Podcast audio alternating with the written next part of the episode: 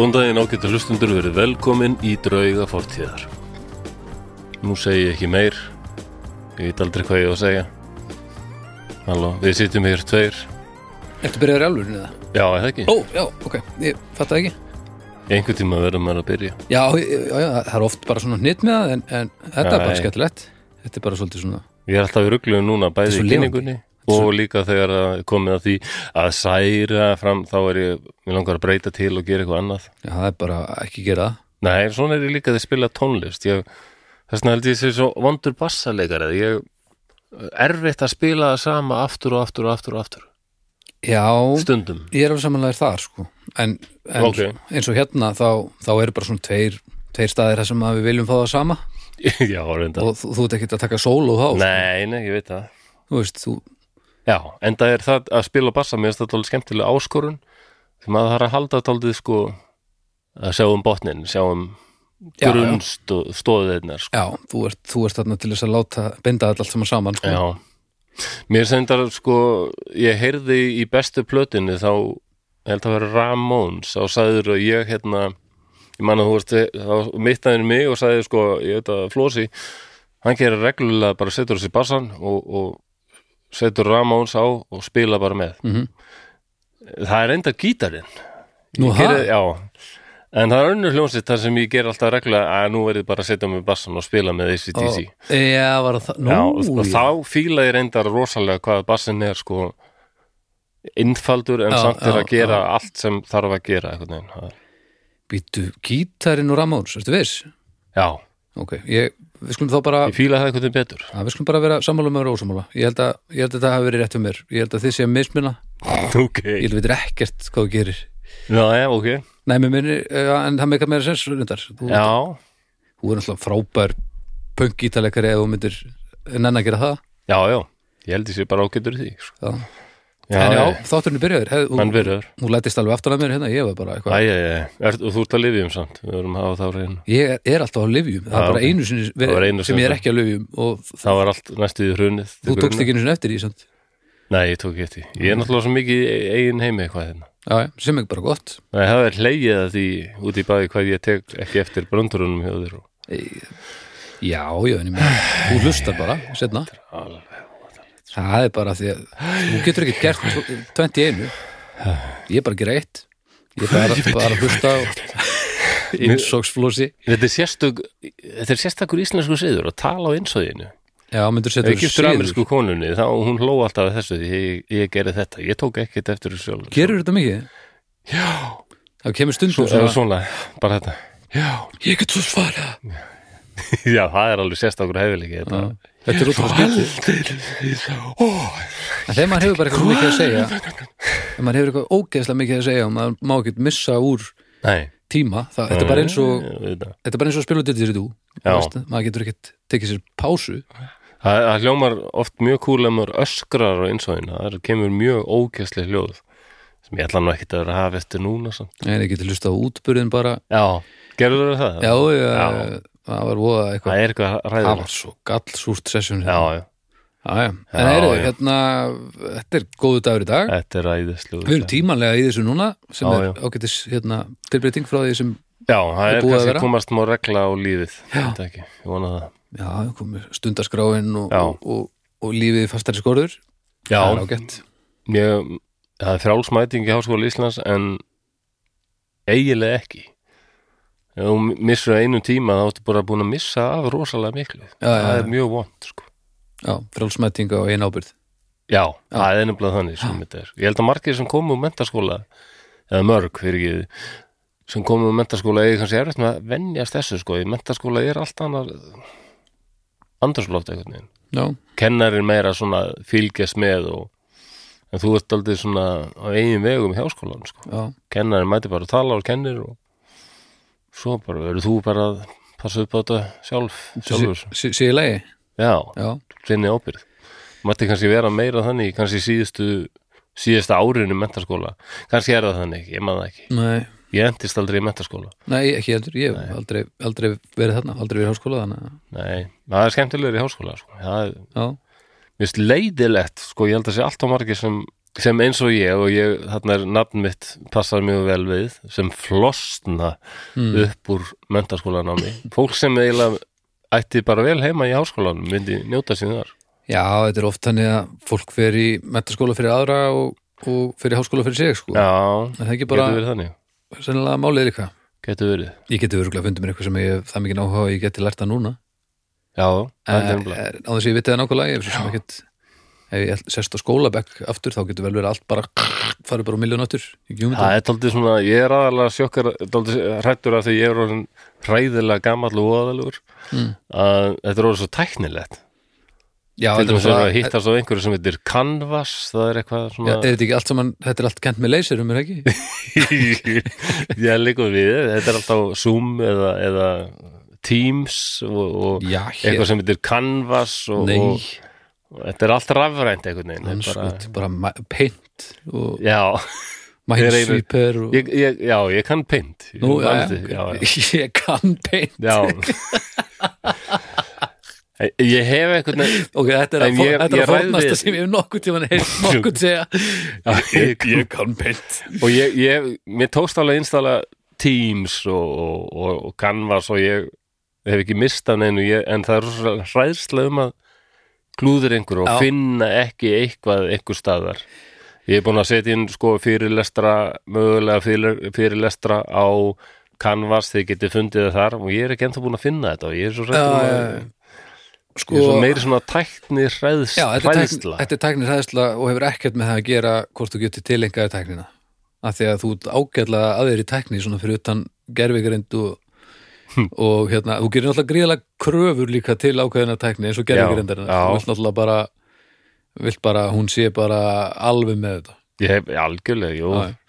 En, en já, tæknir hræðsla lamar fólk ofbúslega mikið í að hafa sig í hlutina eins og ég var að tala við mömmu um þetta bara í gæraða fyrir dag já, mér finnst svo leðilegt hvað ég held að séu margir af þinni kyrslu þú ert reyndar ekki einn af þeim og aðeins eldra fólki sem að heldur ennþá að annars vegar að töluleikir séu bara fyrir krakka og þetta séu ógislega flókið að gera þetta. Á meðan akkurat núna eru töluleikir farnir að, spanna svo vitt uh, svo, svo hérna víð málefni að, að hver sem er getur fundið töluleik sem hendar honum. Já, já, og það hefur aldrei verið einfaldara að spila töluleiki heldur, er, ef þú fer bara eins og leikjatölunar eins og Playstation þá er þetta bara mjög mikið plug and play þegar þú ert búin að læra einhvern svona pínlítið grunn og það er ekkert mál að setja þessi headphonea og spila með einhverjum samakváðast gamall af því þetta er svo ógeðslega notendavent og mér líður bara eins og þessu séu bara kynnslóðir að fara á mis við brjálaðislega áhugaverð og skemmtilega hluti mm, út frá gömlum fordómum eða í mitt tæknirhæðslunni sko. Já. mér finnst það ógæslega leðilegt af því að þetta er ekki þetta er ekki barnaafþreng lengur eins og, eins og fólk, eins og þetta var kannski til að byrja með og, Nei, nei, það og rétt. fólk upplýði þetta sko. en ég held að þessi, já, þessi þessi teknirhæðsla, hún sé alveg ógeðslega líjandi og þreytandi og sé að koma í veg fyrir rosalega marga góða luti já. en ég meina færi ekki bara hjálp með kanvas og málu dötti það Jú, við vorum undar að tala um tölvuleiki í einu kursi sem ég er í sem heitir stefnum mót menningar og miðla já, sem veist þér mjög skemmtilegt og hérna, þetta er allt mjög skemmtilegt reyndar. Og þar sagði kennari til dæmis hérna, komnir svo margir alls konar miðlar, samfélagsmiðlar og, svona, og tölvuleikir og ég greip fram í bara ekki tölvuleikir, er það miðl? og hann verðist nú bara bara hissa á þessar spurningu já, tölvuleikir er miðl Já. og svo sagði hann að það væri til dæmis verið uh, stefna hann myndist á einhvern einhverja sem eru að uh, hann að tölvuleik sem gengur bara út á það að þú ert á held ég 17. öld. Hérna heima? Já, ég held að það gerist hér. Já, bara setja þið inn í það andrúsloft já, það er þegar ég var rosalega hrifun af því. Það er íslenskt kompani núna sem er að að vinna já. með drauga emitt drauga og fóðurinju íslensku uh, sögurnar og koma því inn í svona já, ég, veit ekki nákvæmlega hvernig leikurinn verður ég svona, þekki allavega eitt sem er að vinna í honum eitthvað. Og það komið trailer og ég er mjög spenntur sko. Íslensku tölvuleikur, við gerast á Íslandi. Mm og, e- en er samt svona eins og vits er á Íslandi mjög drungalögur og en það er Ísland alveg rosalega trúkalegt land. Já, já, og ég- þjó, með þjóðsögunum sko, og ég er svo til í þetta. Ég er svo til í þetta. og þetta þetta nefnilega er, ég ger mér ekki grein fyrir hvort að fólk viti af þessu öllu saman sko. Nei, líklega ekki og tala um þegar að maður er svona mikið heima og eitthvað. Töluleikir er ekki fyrir ekki bara fyrir börn, Nei, nei, alls ekki. Það er svo me- mikið af efni þarna sem á ekkert erindi við börn. Nei, nei freka fyrir fullotna og líka fullt af efni sem er ekki krefjandi ef þú vilt ekki hafa þetta krefjandi. Heldur bara skemmtun eða bara áhugavert eða Já. bara upplifun. Og ég get ekki beðið eftir að, að, að sjá hvert þetta verið komið þegar að hérna, ég verður hann gamall sko. Þannig að ég vona að sé ekki já, ég væri bara til í að vonandi gerir fólk sér grein fyrir því hvað þetta er og átt að segja því að það er ekkert berálega erfitt að, að tilinga sér því að þetta getur opnað svo mikið fyrir mann ef maður er einhvern veginn bara uh, einmitt, núna miklu meira heima miklu minna að gera það er fullt að gera. Já, það er ekki, er ekki flókið, það er ekki að flókið sko. Það er alltaf með eitthvað svona nýtt sko. það er oft lítið niður á það til að byrja með. Já, já, kvikmyndin þótti svona ekki merkilegt form sko á sínum tíma. Nei, Ljósmyndun, nokkulega, heyrðu, hérna Ljóðkirkjan, hljóðkirkjan já uh, hún er í gangi, Já, akkurat núna. Þið er að hlusta á hana nákvæmlega núna. Og hún er bara í gangi allan sóluningin, það við brettir í hver er að hlusta. Já. Uh, þetta eru fimm þættir í viku. Mm Uh, við erum á miðgudum, á mánudum er að dómstæður og fimmtugum er að snæpitala við fólk og föstum er að besta platan og lögadum er að lista menn Já, þannig að það er af nóg að taka. Og þið getur bara fundið þetta inn á inn á veitunum, hvað sem þið hlustið hvort sem heitir Spotify eða eða Pocketcast eða uh, Apple uh, Podcast eða Já. allt þetta, allt þetta gluð þannig að tekja á því endilega. Svo er það samstarfsaðalarnir það er Borgbrukhús Já. að sjálfsög, elsku Borgbrukhús sem er búið að vera með okkur núna í heilangan tíma. Já. Og við ætlum bara að minna ykkur á lóðastólalari sem er ætti að vera komin í helstu vestlandi Já, já, hann er búin að vera í, í bara verslunum í einu hálfa viku núna Nei. þegar að fólk heyrir þetta. Já, og um, hann er, þetta er sem sagt uh, léttöl eða pilli eins og við höfum augljóst margótt komið inn á, þetta pilli var ekki einhver sem var að pyrra sig á því og þú var Nei, að nei, nei, nei, nei, nei, þetta er bara einhver á internetinu, maður er ekki að taka mikið marka á þessu internetlið þarna, en þetta er sem sagt pilli. Þetta er ekki kallið þetta pilsner. Þetta er pilsner, þetta er pilli þetta er hérna, hann er 1,9% Finnst Hann- er með betur aðeins undir pillamöskum sko. uh, eins og frablatnin sungu á sín tíma. Finnst er pillin betur en bjór? En Akkurat, mér finnst komið, no ég vil segja þetta. En, hérna, en loðastólari er sem sagt, eh, já, Red Ale eða svona American Amber fílingur, Já, Eh, 1,9% þannig að hann er ekki óáfengur Nei. en, en hann er undir pilsner mörgum eins og við höfum oft komið inn á áður Já, já. og, og ég byrði að helsa öllu öllu internetfólkinu. Uh, Þetta er æðislega skemmtilegu bjór. Þið skulle fara og stökkva til og, og hérna smakka hann áður en hann hverfur úr hérna búðum þar sem það verður náttúrulega ekki til endur stáðurum þar sem að þetta er samstarfsverkefni og, og, og hérna og svo bara klárast það Já, eins, og, eins og önnur svona samstarfsverkefni sem Borg hefur gert. Hann að grípið gæsina á meðan hún gefst og, og, og, og tjöggið hana. Mig gæsina á meðan hún gefst. Drekka ke- vel kældan og hérna, ekki láta litin hrelleikur, hann er bara frekar léttur og rennur svona ljúft sko. þetta gle- það er ekkert sem gleður mig meira heldur en að standi bara á dósinni. Milli, Millidökkur, já. það er best. Þannig að e, takk Borg fyrir hjálpina en einu sinni. Svo er bónus. Bónusi með. Bónusi með. Það er, það er grísin sem, sem allir eru brjálaðir við af því að hann, hann tók sig í gegn. Já, hann fari augn aðgerð til er bara það er ræðilegt þetta er rosaleg hérna, ros- rosaleg hræstni Já, í samfélaginu að, það? ég, ég meina það er alltaf allir eitthvað Mér finnst þetta ömulegt að, að gera þetta. Þegar einhver tekur sig á í þá er það er bara að vera að íta undir viðkenna og úr alltaf fegurðar staðla samfélagsins með þessu. Já, Það er bara þetta verið verið að mjög segja það að fólk sem er með eitthvað svona skökk augu eða öðru sér augunærir það, það sé eigi ekki jætt mikið tilhöru rétt það er bara það sem við verið að segja. Það ítir undir ömurlega staðla og fordóma Flósi, Já, þetta er teknaður grís. Já, ég er búin að ég, ég fíl myndur segja að þetta verið mjög mjög svona úreltir staðlar uh, fegurar staðlar Já, teknaðara grísa? Já, eða það má alveg heimfærta mannfólkið og bara þessi grís er orðin svo Ah, það, það, mikilvægur í hjörtum okkar það er það bara í að hausnum á þetta er þér. ekki fallegt að gera þetta. Þú ert bara yfirfærið yfir á menn. Það er ekki, og hitt fólki líka. En sko, það er alltaf verið, já, ég veit ekki Þetta, ver- ég skil ekki svona hvað, hvernig er hægt að vera töður svona hlutum, sko? Já, ég, ég bara, ég er sem að verða bara mjög vók hvað var þetta? Ok, Mér finnst þetta bara uh, hvað hefur, alltaf vera leiðir þetta allt svo allt verði eins. Þólið ekki. Hvað, hefur viljað bara setja henni hináttina, bara taka hann á augað og, og bara setja hann ugga og eitthvað? Mér, Hann væri flottur með lepp. Með lepp, já, það getur verið eitthvað. En allavega bónus Ugga Ég veit, þú veist, það er við erum svona- ekki það að er hjakka þá í, í, í Það hérna er fegura gengið. stöð, svona, svo úreldum fegura stöðlum held ég. En nú er hann orðið bara svo mainstream og eitthvað.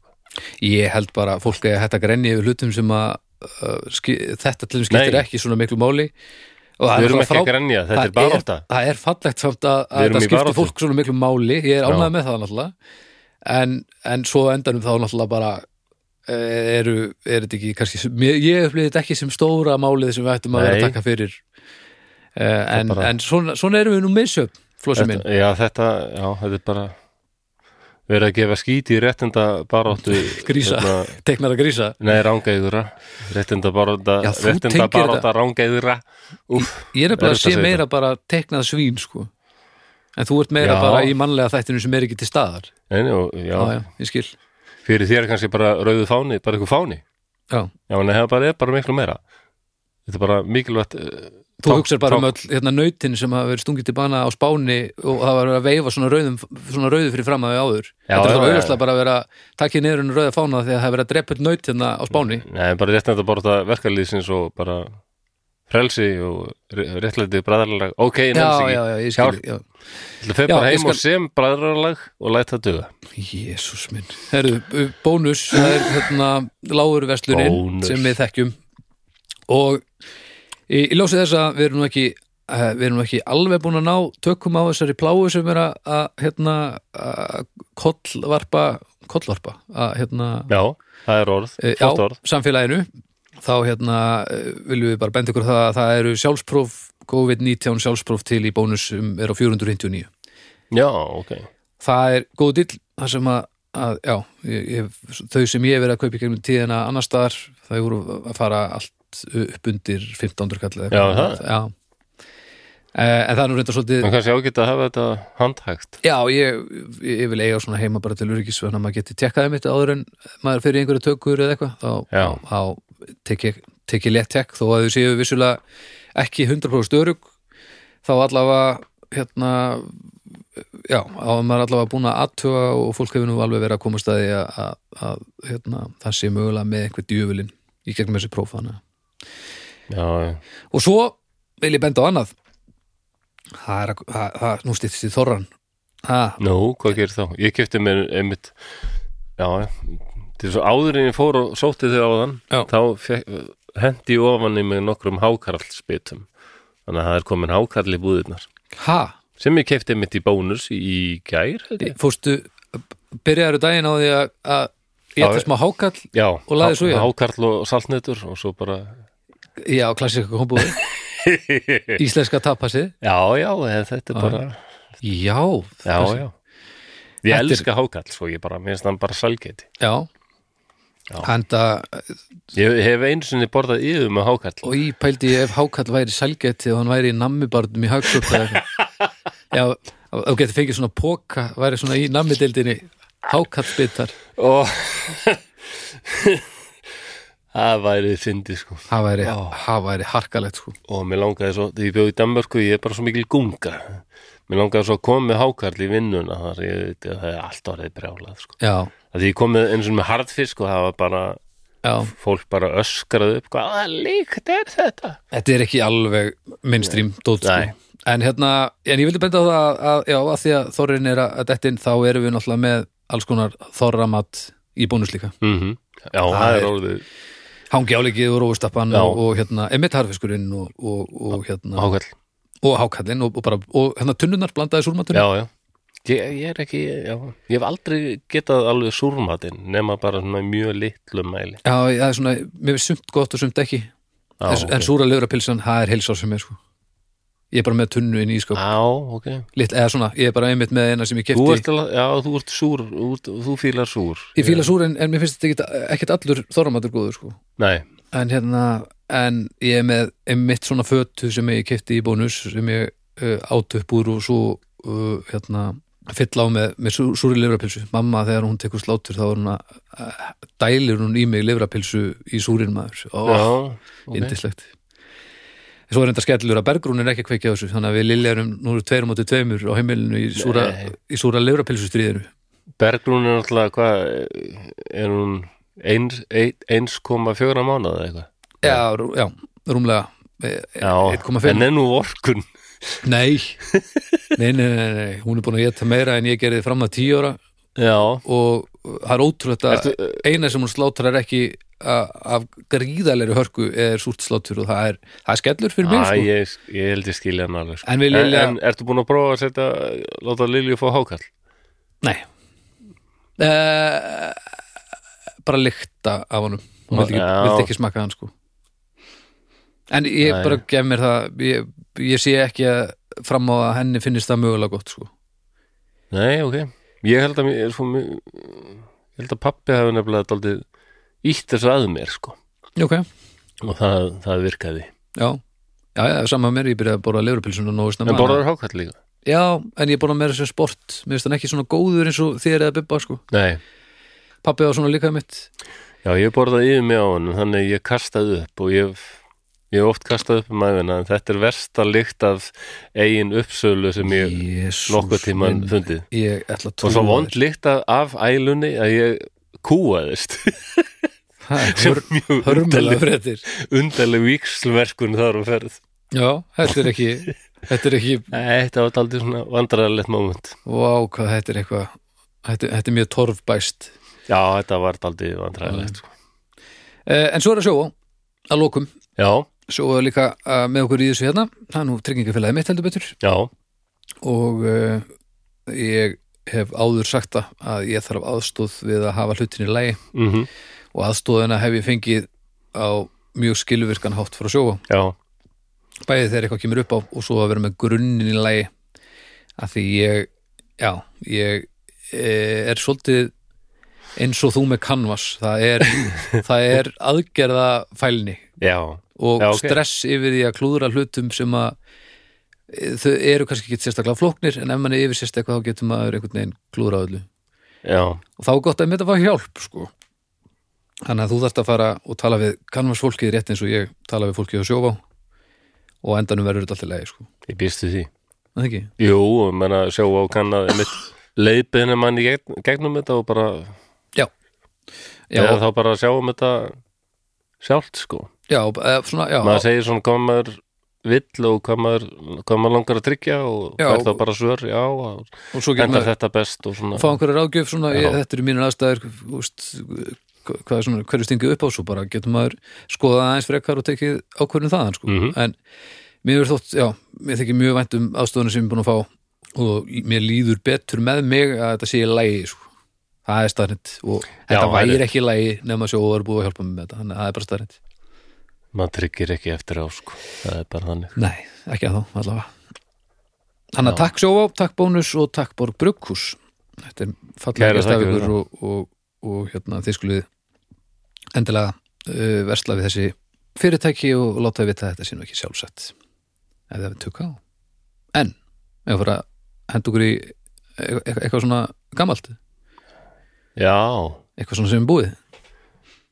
Já Býtum við, þessi þáttur er svo kallar Patreon þáttur. Patreon, já. Það þar sem djáknarnir sem styrkja okkur á Patreon Aha, þá að velja um þrjá hluti Já. sem við vilja að við tökum fyrir. Það er kosið um. Og Hvernig ég ætla að kæfta því bara núna hvað var kosið um. Ok, um, það voru þrýr heimsbyggingar mhm. Segi ekki meir en ég kæfta þessu aðalega þegar ég gæti trúa því að sumir sem eru að hlusta þekki ágætlega til heimsbyggi Já, held að við sem meiri hugvísinda fólk heldur en raunvísinda fólk kannski að hlusta, að ég veit ekkert um það. En kannski og til gamans ég bjó til svona smá ingang sem byggist á daldið þekktu atviki. Okay. og ættu kannski að tengja textan mjög fljótlega við ákveðin heimsbygging. Ég er bara að spá í svona til ykkur til gamans fyrir þá sem að hlusta og þekka eins til heimsbyggi hvort að þið áttið ykkur fljótt á því hvaða heimsbyggingur er verið að taka fyrir. Mm Já, en annars segi ég ekki meira um það nema að ég er ekki heimsbyggingur ég hef gaman að heimsbyggi. En mér finnst hún oft flókin og erfið. Mm. erfitt fag Já. og hérna mikilvægt finnst mér og hérna finnst oft eins og sagfræðingar sem kynna sér ekki heimsbyggi er eins og sjómenn sem veit ekki mun á ísu og þorski einhvern veginn, það bara það Já. gengur ekki, maður verður að þekka aðeins til hennar Já, hún er svo gang, gegnum gangandi veginn í þessu öllu saman ok. og það er alveg mikið meiri tengslismilli sakfræðum heimsbyggi heldur en maður heldur oft sko. Ég, ég er spenntur fyrir þessu sko. Já, Ég hef ekki, ég hafði ekki mikla innsýn eh, nema í gegnum uh, stereotypur og fordóma aðalega þannig, en ég er náttúrulega nálgast þetta bara daldið og ég var daldið ánæður að sjá hvað heimsbyggingur var valina því að kannski sá sem ég veit innum mest um.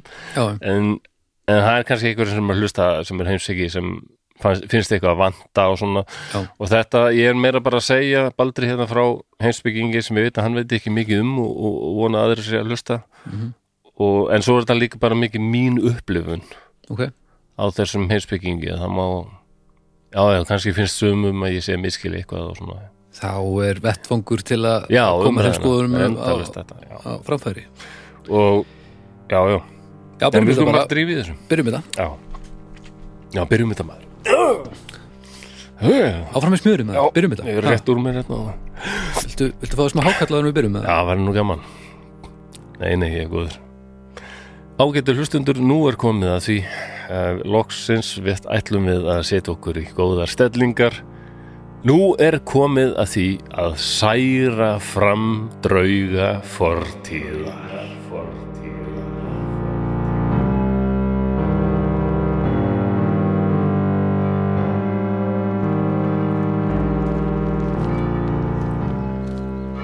Ég var að koma úr kirkju. Svo talaði ég við prestin eftir á. Mér hefur liðið svo undarlega í nokkuð tíma. Og mér fannst presturinn ekki hjálpa neitt. Líf mitt er sæmilegt. Fjölskylduna skortir í raun ekki neitt. Börnin eru heilbrið Við förum reglulega í kirkju og samt þá finnst mér eitthvað vanta. Presturinn segir að ég sé að missa trúna og ég þurfa að mæta oftar í kirkju. Ég þurfa að byðja meira og eitthvað þannig. Það er auðvilt fyrir hann að segja það en ég er vinnandi maður. Presturinn segir líka að ég eigi að vera þakklátur guði fyrir allt sem mér hefur áskotnast. Málið er bara að Æ, meina, hvað er það guði að þakka? Það var ég sem flúði ofbeldi föður míns og skóp mitt eigið líf aðeins 15 ára. Það var ég sem samfærði smiðin um að taka mig að sér sem lærling. Það var ég sem fekk lán til að opna eigið smíða verstæði. Hvar er Guð í þessu? Ég skammast mér fyrir að hugsa þetta og segi ekki upphátt við neitt en er Guð til? Um leið og ég skammast mín þá hugsa ég af hverju er ég að skammast mín fyrir þetta? Þarf ég á Guði að halda? Veru sem ég hef aldrei séð eða heyrt í en einhver maður, sem sagt presturinn, segir að ég eigi að trúa á og þjóna. Er þetta allt sem í bóði er? Vinna og lofa Guð í heimi sem er fullur af ójöfnuði, grimd og ofbeldi. Ég er í þungum þöngum að hugsa þetta, en lít upp er ég heyri hest neggja kröftuglega. Ég vann lengi með hesta á sveitabæ og ég veit strax, þessi hestur er hrættur og finnur til. Þetta hljóð hins skelda dýrs snertir eitthvað djúft inn í mér sem ég get ekki alveg fest hendi á hvað er en það er sár en um leið undarlega viðkunnanleg tilfinning. Einkennulegt. Ég sé nú hvað veldur hræðslu hestsins. Hann er bundin við þungan vagn og maður, rauður í framan af bræði, lemur hestin kröftulega með svipu sinni. Ég er að velta fyrir mér hvort ég eigi að segja eða gera eitthvað. En skyndilega kemur maður hlaupandi. Hann er trilltur til augnana og ég tek eftir sérlega mikilfenglegu yfirskeggi sem hann er með. Hann hleypur að hestinum og faðmar hann að sér. Maðurinn hættir að lemja hestin og starir furðu lostin á mannin með yfirskeggi sem er grátandi og faðmar hestin eins og gamlan vin sem hann hefur ekki séð í ára raðir. Ég veit, segir maðurinn. Við erum í Torino á Ítalíu en þessi maður talar þýsku. En mál sem ég skil því ég er frá þorpi á landamærum Östuríkis. Ég skil, segir hann. Ég skil þig.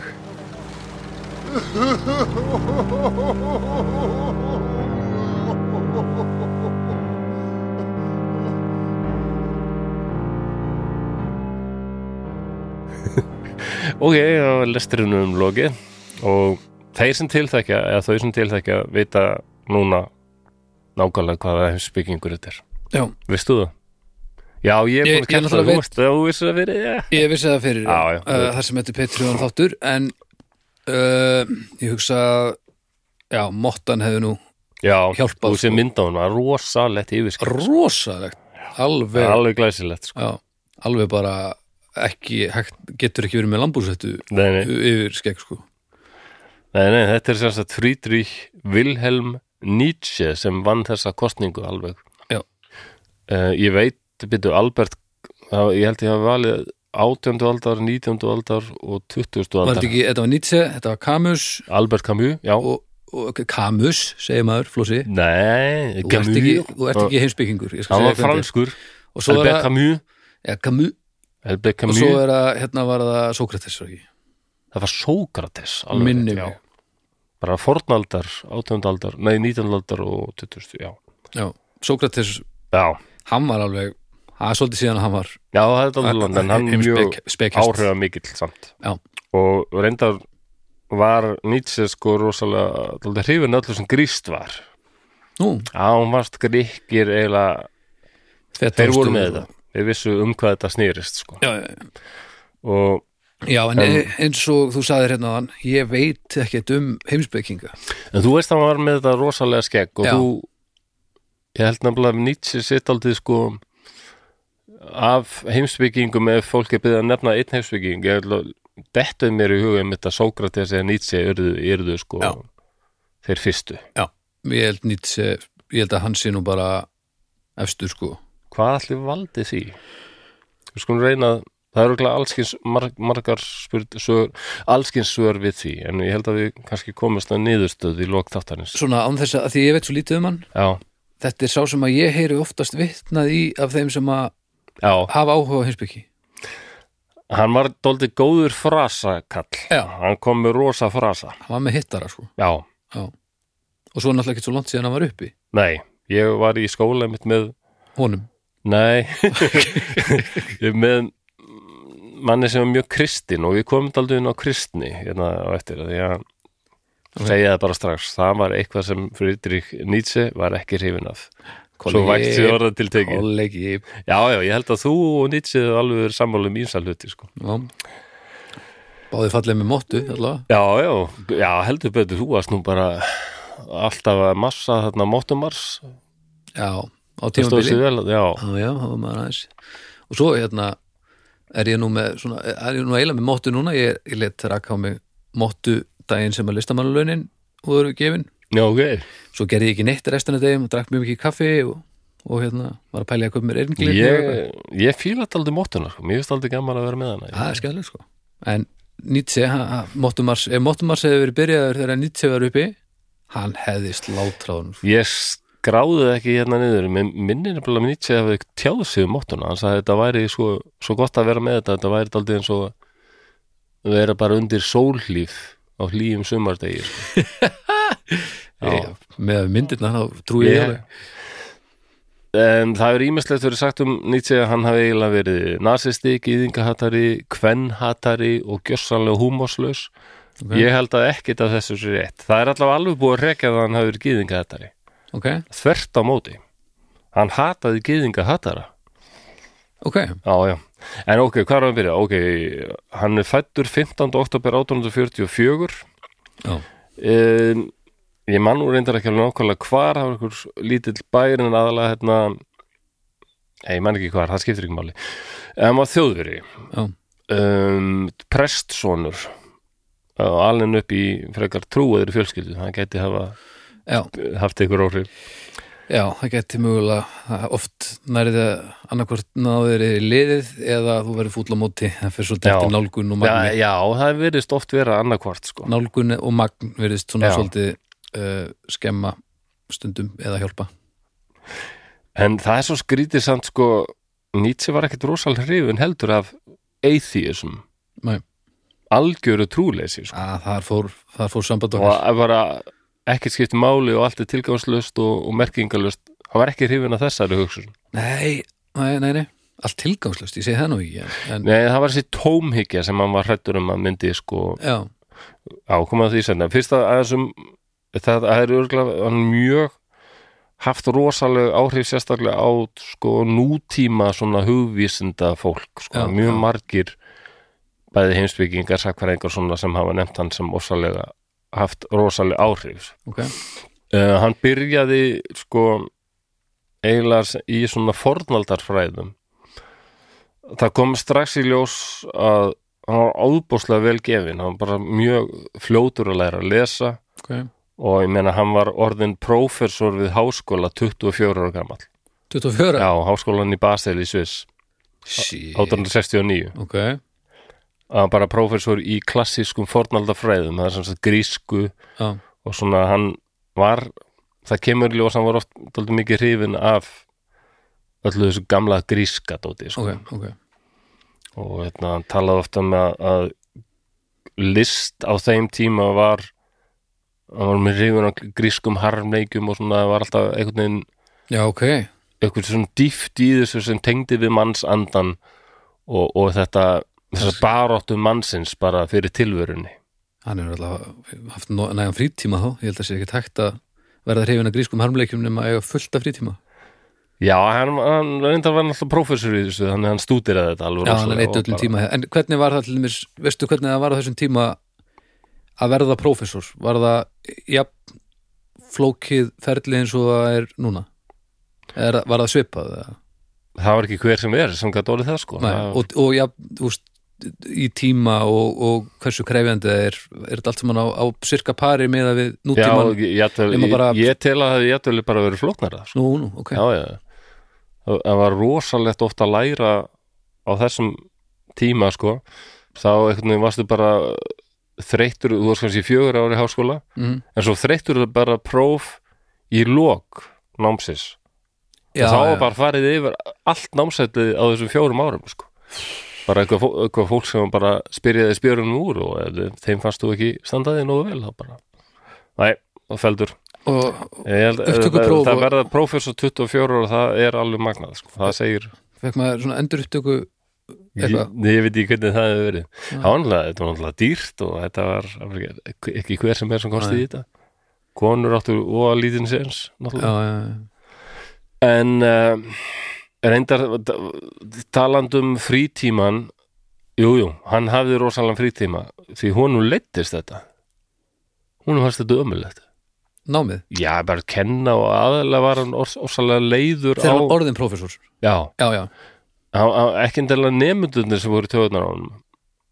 Að því að þert á móti virðist hann hafa notið þess ég held að í dag ef í dag þá var hann einn eftirsóttasti og frægasti markþjálfi landsins ef hann væri hér. ok. Að því að hann hann sagði alltaf að mein, tilgangur með sinni heimsbyggi er að hjálpa fólki að verða það sem það raun, raunverulega er. Finna sem raunverulega tilgang. Já, já, ekki falla inn í eitthvað form. Já, en svona conformity, hvað er það á íslensku svona eitthvað miðjumóð eitthvað bara að verða einn af fjöldanum. Þú finnur virkilega hvað þú vilt já, og leiðu þér bara að standa upp og, og, og sækjast eftir því með öllum leiðum. Ok. Þrá, og takast á við alla þá erfiðleika sem líðið hendur í þig og, og, og bara ekki gefast upp sko. og ekki leita eitthvað svona deyfi efni gegn sársauka og erfiðleikum lífsins Mm. og sérstaklega vorum nýtla við mjög töð deyfi efni sem hann sagði að væru bara hættulegust vestarætni menningu. Ok, eh, og það voru kristni og alkohól. Ok. Já, Já, hann hataði alkohól. Ok. Af því hann, það er deyfiðni þegar líður illa og, og bara alveg eins og líkamlega sásöki þá er þessu andlegi sásöki er að segja það það er eitthvað að. Ég er ekki sátur en staðis að standa upp og gera eitthvað og komast að því hvað þú ert ekki sátt eða sáttur við mm. þá bara ferður í glas og áfengi segja þér að það sé allt í lagi. En svona, Ah, en svona rauðvinsglas með matnum hvernig, hvað fannst þú um það? Að því Jú, hann- jú, hann hefur kannski sett sér við það en hann sjálfur sko hélt sér alveg frá því. Já, já, hans ég... uppáhaldsdrykku var vatn. Og Já, kannski ok. mjólk á tillitugum nei, Jú, djöfisins partiljón já, já, en sko ég, sérstakur karakter svo. en va vatn er líka minn upp á strikku sko Já, held ekki Ha. sett það saman það er best nú, Já, ef maður er þyrstur þá, þá er vatn hansi gott sko já, Já, það er aldrei lúksus það er bara mjög, mjög gott hvað er upp á strikkur þinn? Ah. er þetta á upp, ef vatn er ekki upp á strikkur þinn Jú, já, það er það, myndi ég Jú, já. Nei, kaffi, það er enda kaffi en auðvitað, já, kaffi er átt- 90% vatn eða ekki eitthvað. En hann var aðalega sko þannig að það var ekki nemyndunir það voru samkennarar hans og, og aðrir svona mm. svo kallar akademikerar eða fræðimenn háskóla samfélagsins mm. sem að þóldi ekki, sérstaklega innan hugvísindana sem eru já, í dag eru hugvísindi eins og sakfræði, forlega fræði og svona, Mm. er ég að glemma ykkur ekki ég veit spyrja ekki mig hvort sko. íslenskan fellur undir hugvísindi, sveimi það ég er á, út, já, ég veit, og svo er félagsvísindi er annað eins og mannfræði er félagsvísindi. Já. Eh, já, já. En allavega sakfræði, forlega fræði, heimsbyggi Ok. hugvísindi. Já. Eh, hann þóldi ekki hann sagði það upprunalega sérstaklega heimsbyggi til dæmis. Þetta á að vera leiðsögn. Þetta er til að hjálpa fólki. En fræði mennir háskólanum eru bara, bara breytir sér eitthvað þurr fræði Já. sem gagnast engum eitthvað blaður og ge gera og krafan er bara páagöka lærdómur já, frekar en, að velta upp hlutum. Hann var því þetta á að gagnast og hjálpa okkur. Já, þetta er tól þess að já, þetta er tól til að hjálpa okkur í gennum lífið. Þetta er rosa, hann virðist oft hafa lítið á sko lífið þetta er alltaf mikil barátta hann kemur, hann útskýr fór alveg langa leið til að reyna útskýra hvað hann átti við með því. Mm við þurfum kannski endalega að sammála því en mér, ég, hef, ég sjálfur er alltaf hrifun að Nietzsche en ég er ekki endalega að sammála öllu en mér finnst hann mjög merkilegur. Já. og svo er það eitthvað svona já ég aldrei höfði þetta aldrei til nútíma manna kannski bara út af því hvernig karakter hann er og hann, ég hef lesið eina bók eftir hann uh, Beyond Good and Evil. Ég held ég en mér, ég held, ég veit ekki hvort ég skildi ekki allt sem ég er að lesa sko, ég er ekki það klára eitthvað neginn mm. hitti vin minn sem ég er á því að er með herri greinduvísi til ég og miklu betri svona heimsbyggi Mm. og ég sagði já ég er búin að lesa Beyond Good and Evil. Og hann spyrir eitthvað, já, hvað fannst þér um hérna, þessa pælingar hans að hérna bla bla bla? Flíku, flíku, flíku já, og ég var svona, uh, já, rosa cool bara fl- flotta myndir sko. já, já. Ég, já, já ég held ég hafi ekki alveg eh, heilan í heimsbyggi er það ekki bara pæling. því að þú hefur ekki nú mikið áhuga á henni? Það getur verið það veist, er þetta ekki bara því að heimsbyggi snýr kannski svolítið mikið að hvað ég segja þér, þér, það sem þér finnst áhugaverðast í heiminum er eitthvað sem var eða er. Já, á meðan þetta sp- sprengir það svolítið sko. Gæti verið sko. Ég var daldi ánaður þegar ég var í heimsbyggi kurs hjá hann Byrni Þorstensinni í háskóla sem að eðislegu kennari Já, professor Hensviki og hérna uh, svo fórum við í kaffi. Já. og það var eitt gaur hérna sem við varum að drakka kaffi með. Um, fallegur ungur maður með fallegt skegg og fallegt sítt ég tók eftir því munun og sakfræðingunum já, og heimsbyggingunum allir svo fallegir, fallegir sem er heimsbyggináminu já, já, já, já. Konur er alveg svona, svona geislandi falleg og kallmennir allir svona, já, þetta flæðandi síða hár og svona mikið skegg og svona liftrandi augu. Já, já. Já, ég meina þetta er þetta er bara bætur og olbóðana og Rick versus Poncho sko, og, Alltaf, og ég, ég sagði, og varðildur ég sagði um unga mann sem við drekka kaffi með hana, já, mér finnst þetta svo erfitt mér, ég er ekki mjög sakfræðinni og sem mér finnst bara, ég er bara svo fiskur í vatni þar og ég er bara, vá, heimsbyggi þá sagði hann mér með til mikill að gleði, guð mig góður, ég tók kurs í sakfræði, ég var alveg bara hjálp. Já, ég, ég skráði mig bara í kursi, mér langaði bara að lesa eitthvað um súmera og hafa bara gaman. En nei, nei, nei, nei það var alveg bara húnum harst þetta gífulega þannig að eh, kannski eins og segir þetta kannski er þetta spurning um áhuga og svona og mann köllun. Já, já, algjörlega. En hann sem sagt bara hætti í háskóla hætti að kenna sko. Já, já, reyndan var hann sko hann hætti 800 hann, hann var í 10 ár í þessu þegar hann var 34 ára. Ok. Þá hætti hann hafa bæði bara nautan ekki, naut þess ekki en svo var hann líka átt, hann glýmdi alltaf við heilsuleysi. Hilsuleysi já, og Ok. ekki bara líkamlegt. Nei, ok, nei, hann var hann var ekki alveg he- heill. Ok hvort það verið þunglindi eða bara eitthvað svona streitaði eitthvað sko. Uh, Er eitthvað En Hefur einhvern tímann verið eitthvað slegið á hvar við erum grindavísu töluvæs? Ekki það að gefi neina, svona almennilega hugmynd en var hann eitthvað svona var hann ofviti? Hann var greinilega mjög vel gefin sko. Það haldast alltaf í hendur við ofhá já, það, grindavísu ég, þá, það má vel vera sko. þá virðist róðurinn þingjast já, aðeins það má nefnilega vel vera. Því hann endaði því að bara missa vitið og það er einmitt það sem ég er að lýsa þetta í inganginum það er þetta fræga atriði. Já, ég bjó bara bjó til einhvern mann sem er daldið að velta fyrir sér sömu pælingum og nýtt sér sko. Já. menn að þurfum við eitthvað hennar guð. Hver er þessi prestur sem er eitthvað að segja mér hvað guð hugsi og hvað er þetta allt, er þetta bara að vinna? Já, það er eitthvað tóm í þessum manni. Svarthól Mm.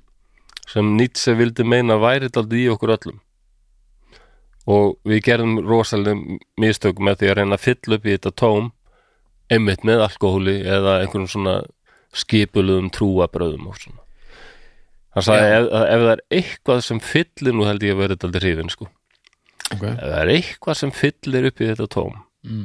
betri en nokkuð annað Mm. þá er það menning hann. það listir Já.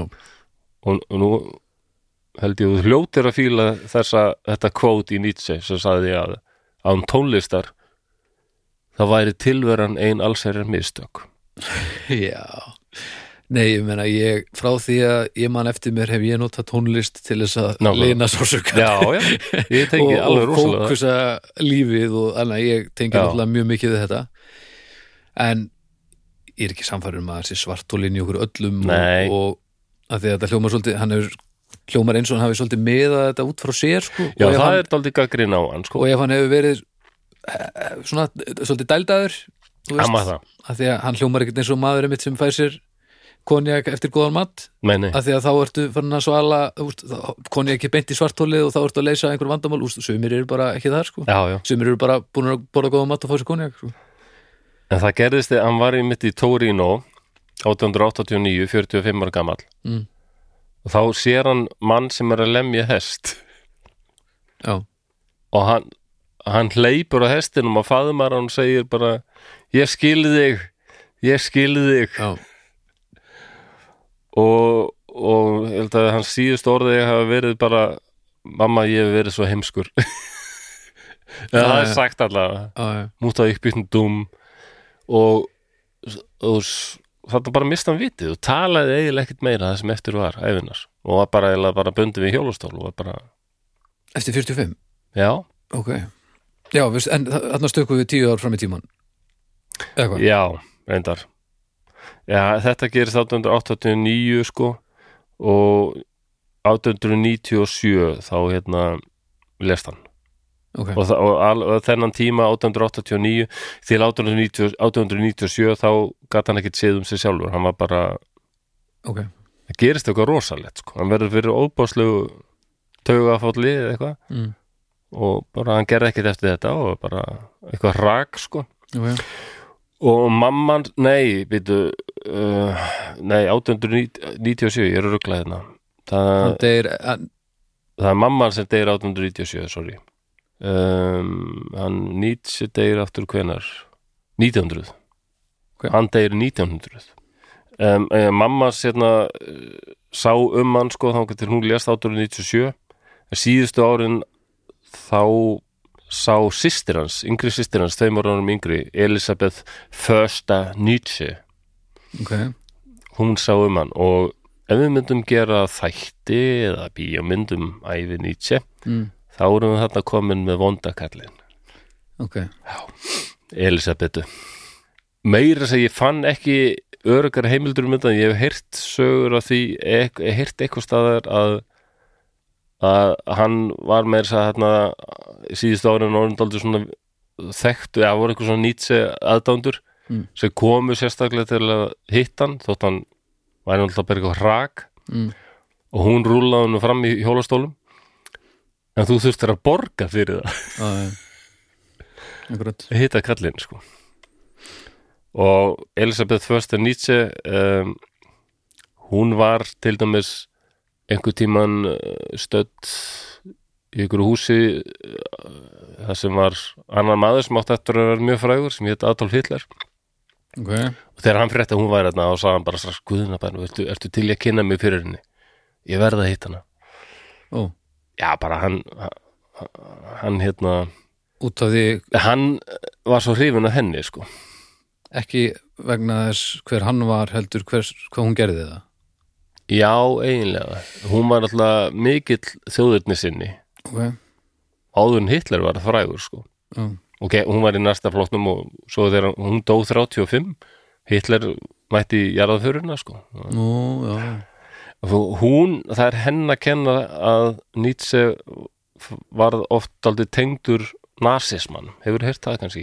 Það margir kannski aldrei við það. já, bara svona ég hef ekkert heyrt mikið um Nietzsche Nei. bara svona fá fólki sem að einmitt er áhuga fólk um hann þá, þá heyrir maður oftast einmitt að fólk er að reyna að draga úr því Ég er aldrei að stýðast hérna við bók sem heitir bara Heimspeki saga sem ég kefti þegar ég var einmitt í Kúrsjáman Byrni Þorsteins okay. eh, sem er þeir Gunnar Skirbekk og Níls Skilje Okay. ég held að þeir séu norðumenn Mm.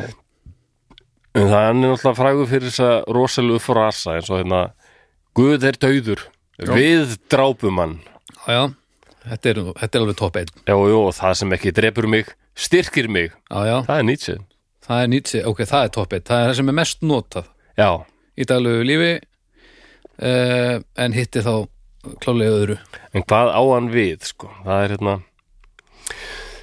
já, hvað er ég búin að segja? Hann hérna, já, honum er aldrei kaltænislegt að hann endi sko á því að vera bara er fjölskyldan sem sér um hann hans síðustu ár. Mm. að því hann kunni ekkit sérstaklega vel við fjölskyldu sína.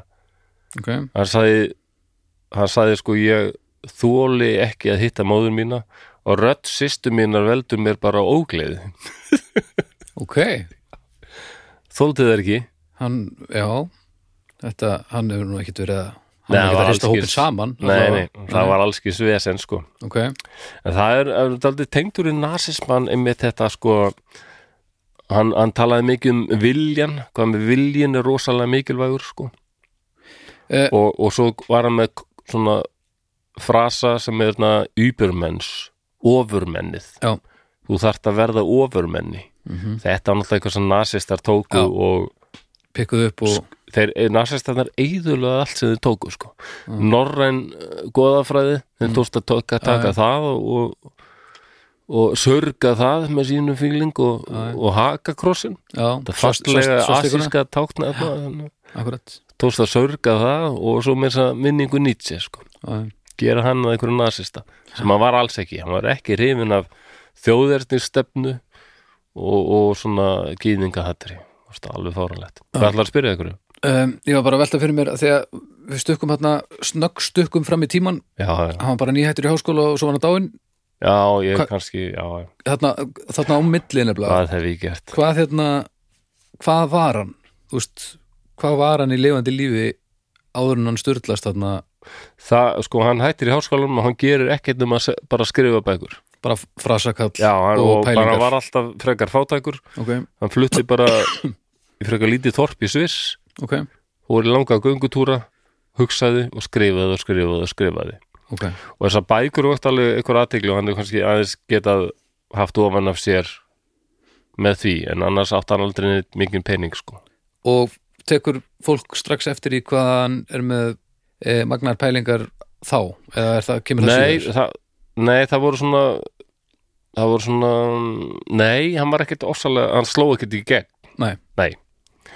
En það voru nokkri, til dæmis hérna, mjög þekktur hérna, danskur svona menningar frömuður, Georg Brandes sem líka skrifaði rítgerðir og svona sko. Georg Brandes? Já, hann var mjög hrifun Nietzsche og skrifaði um hann og sagði bara þetta er eitt mest merkasti heimspekingur okkar já, já, sögunar í dag sko, veitna. ok, en annars var Nietzsche bara daldið fastur í þessu að skrifa og pæla og svo bara deyra hann.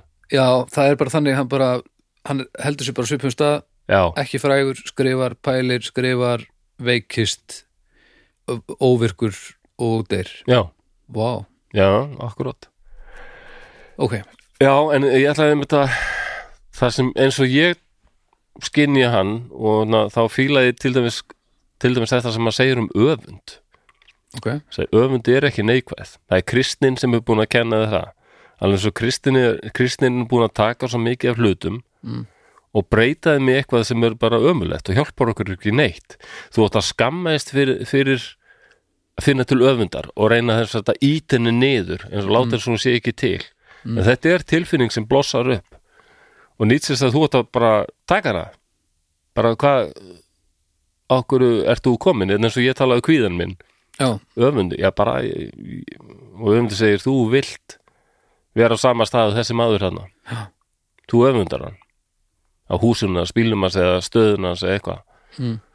og þú bara skalt bara viðurkenna það fyrir öfundinni, já ég geri það og, og þá eftir það, þá hleypur við viljan minn viljanum til þess að bara komast á hann sama stað mm. en ekki skammast inn fyrir öfundina heldur að nota hana sem, sem, sem pepp já, já, og þarna finnst mér hann daldið svona að, ég veit ekki, þetta er kannski langsótt að tengja en það er annar mjög frægur franskur heimsveikingur sem er rosalega vinsæll í dag sem heitir Michel Foucault mm.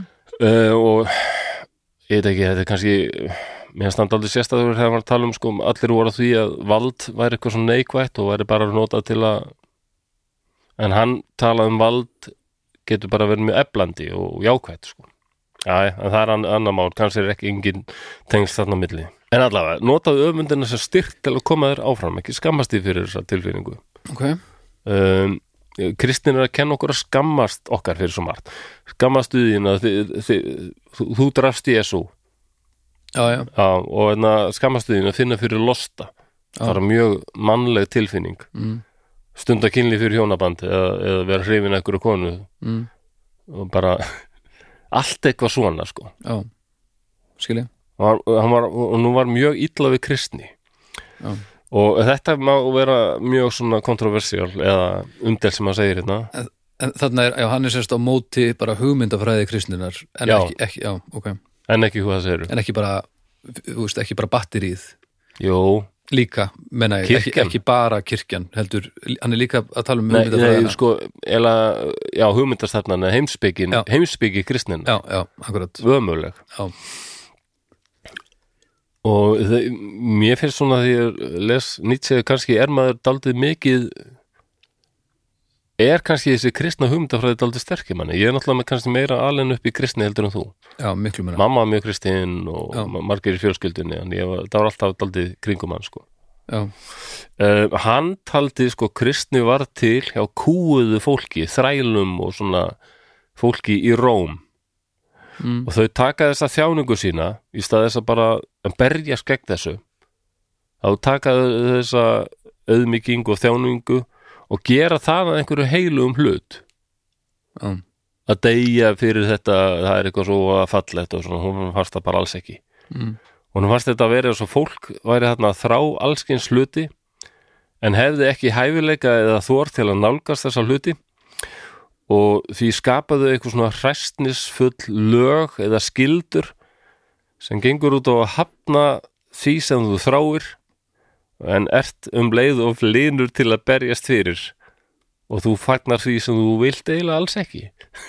Er já, já ég ég kann er fara. kannski þetta. ekki útskýra þetta mjög vel jú, jú, þetta- ég út- útskýrði þetta ágætlega. Þannig að tala til eins og kynleysi sexlessness já, það, breyta því að það verður bara svona hreinleiki, já, já, purity og veikleiki.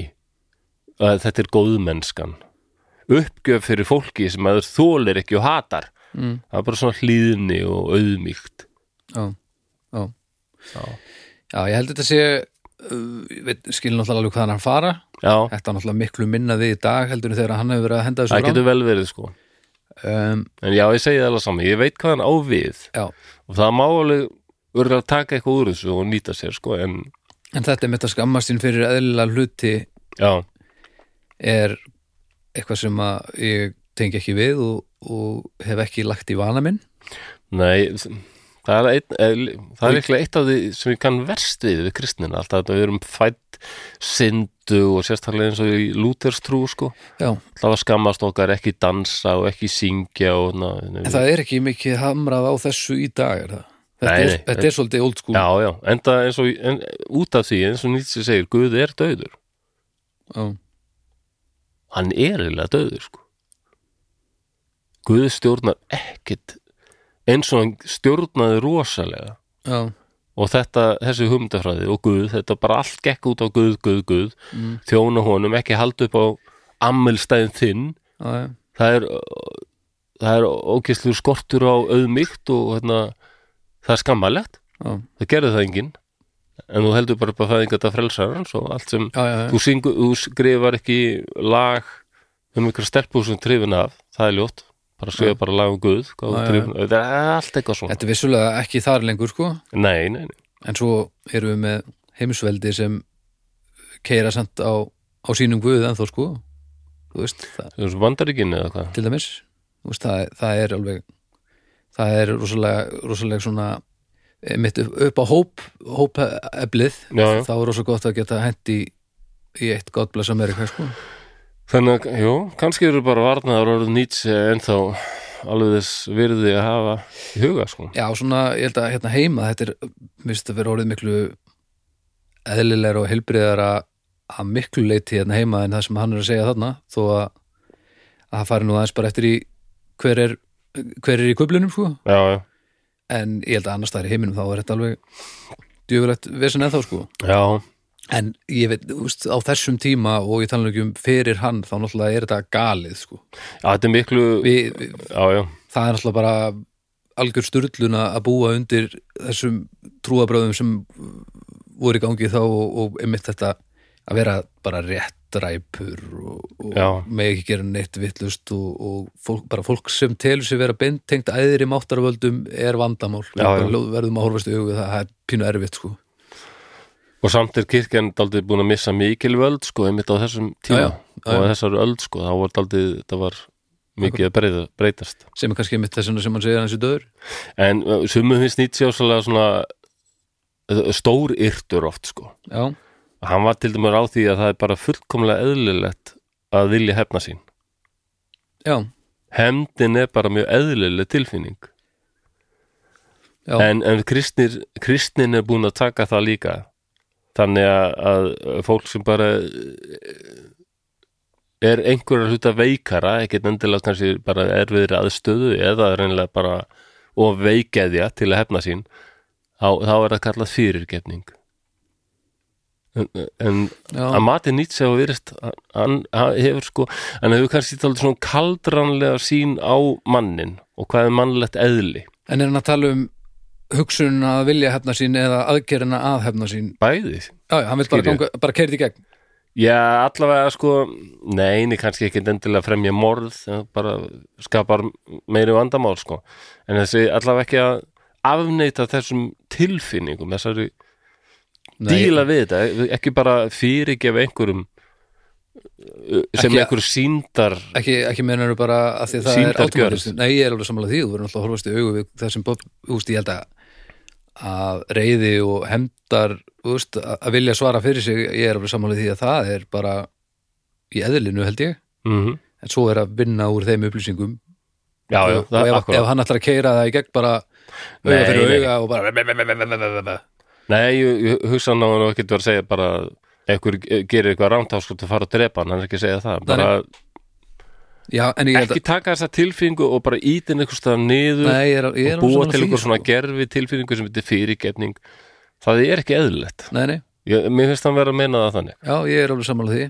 En svo verður maður samt líka þá að vera með til hlýðsjónar að, að ef, ég, ef ég vil hefna minn þá því það er samt ekki endilega að ég sé automatist rétt stæður sko, nei, nei, ég er ekki endilega með réttu nei. á það þannig að maður þarf aðeins að tilla líka sko. Já, já, en, en þetta- tilfinningin er örgulega tilfinningin er sönn sama hvaðan hún kemur sko. já, já. Og, og talandum menn það voru kristnir höfundar sem skriðu íslýtingarsögurnar og þar finnst mér oft mjög góð bælingu um hemd sko.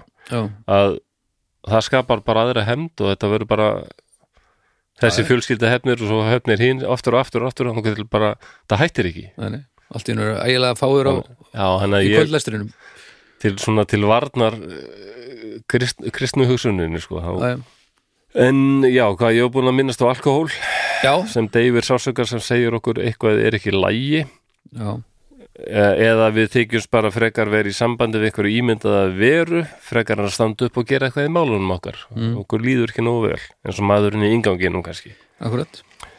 Og að lifa í, það- mér finnst það verið aldrei að segja svona að lifa í þæ, þægindaramanum hefur nú bara líklega verið harður og sagt bara að það bara anskotast hugleysi hugleysi bara djöfisins gunga ef þú gerir það. Já, lífið verður bara ríkara ef þú ferð aðeins út á sprengisvæði býður hættinu heim viljin er svo kjarni tilverunar Baldur. Mm, og notar viljan og þetta er líka það sem hérna nasistar alveg skuðum skjeldur rosa þetta, þetta viljin og þetta baráttan og svona sko. já, já, Hitler er allir þessu sko, hérna, Mein Kampf barátta mín, sko, lífið er bara barátta og akkurat. svo sterki vinnur og svona, já, já. Líka, en ég skil vel að fólk haldi að Nietzsche sé bara nasískur en en svo satt hann bara og skrifaði bara í já, já, heil lengi og það, það var klálega hans þæginda ra, ra, innan hans þæginda rammamyndi alltaf já. Já, meðan að, já. Jú, kannski að segja upp sko, þessari var vissulega breyting, í bara svona betri, þar hefði hann bara geta búið til ykkur karriér og bara svona kannski, já, nei, nei, bara bara búa eitthvað fátækt eitthvað í Sviss og skrifa og skrifa og svo það þú er ekki alveg nóg dramatísm með yfirlýsingarna samt, Nei, hann, hann er ekkit endilega góður fulltrúi. Hugmyndina sína. Nei, Nei, en Og hann sagði líka þetta, hann, hann má nú eiga það, hann sagði aldrei þetta er eitthvað algildur sannleikur, þetta er bara tilraun. Já, og svo er ekki eins og eins og honum hafi liðið frábæla það sem eftir liðið heldur Nei, kannski, nei, nei. kannski var hann bara að sanna uh, sínar hugmyndir. Já, bara, uh, ég er hérna með hugmyndir og nú ætlum ég að sýna ykkur hvað, hvað getur gerst ef maður hérna, pælir ekki í þessu það má vera, já, má lítið á þannig kannski en, en þar maður endilega alltaf að vera sjálfur fulltrúi sko ef maður kemur eitthvað svona kenningar og pælingar Nei, nei, en ef þetta á að vera einhver svona eins og þetta dulbúin svona bölsýnis peppræða þá er ágætt að þú náður að tilenga þér einhverju leiti sjálfur ef þú vilt fá einhver Já. hljómgrunn sko. Þetta er bara Reyndar. þú veist, ef þú ætlar að já, ef þú ætlar að segja fólki, þú ert bara að gera þetta og þetta og þetta til að þetta gerist, sjáðu mig, ég gerði það ekki og ég Já. er ekki svona þú veist, það er aðeins flókið að En það, kaupa það, það, á þessum tíma og setna mér þá var samt að verða rosalega svona kannski ekki bylting en svona breytingar svona hugmyndafræðilegar eins og segir eh, kraftur kirkjunar að minka daldið og, og Nietzsche átt eftir að hans hugmyndir þetta átt eftir að hafa rosa áhrif sko. Já. og ég tala ekki um þetta einmitt að, að losa sig undir ykkur svona oki og, og bara horfast í augu við eigin tilfinningar og já, er þetta veikleiki, ég meina hvað ég er meir hrifin af þessu. Til dæmis að eins og þessar, ég get ekki neita því að það eru neikvæða tilfinningar alltaf sem koma og ég get ekki látið eins og það sé ekki hérna. næri, ég Ég samanlega get- því sko. ég get ekki litið framhjá því að þunglindi er þarna, bara okkur finn ég fyrir allt er fánýtt og fábreytilegt og, en maður, mér finnst aldrei ég já. En maður þarf aldrei að standa upp og berja skekti það er bara aldrei bara það eins og með þunglind og kvíða. Mm það það, það þýr ekki að leggjast bara í rúmið og men, ég geri það oft sko ég stend alltaf upp aftur. Já, já, já. og hérna endan kemur að því bara að sólarhring þetta gengur ekki og ég seti þóttavél og ég skiptum rúmföt og ég fer sjálfur í styrtu og bara og ég fer út eða ég ringi eitthvað nærðu hittum með einni kaffi og, Já, og já, bara skráum í háskólan eitthvað. Ég, Já, ég meina, þetta er alveg rétt alltaf þegar eitthvað svona kemur upp hjá mér, þá reynum maður að, að sjá vandamáli fyrir það sem það er mm, gera ekki um mikið úr því og gera ekki um lítið úr því og tækla það á þeim grundvelli skilur mm akkurat. Og það er það sem að sem að hefur einstóti erfitt þegar maður er eins og þegar pappi degir að, að, að finna það í kringum mann að, mér finnst ekki að hræðilegt og næsta manni að því að ég er búin að gangi gegnum þetta í miklu lengri tíma. Já, og en það er gerð krafa, gerð krafa hérna úr þessari átt að þetta sé hörmular en ég hef upplifað það. Og svo má ég ekki gera það lítið úr þessu eins og þetta sé ekkert mál þó að ég sé komin lengri en þessi af því að þetta er alveg mál.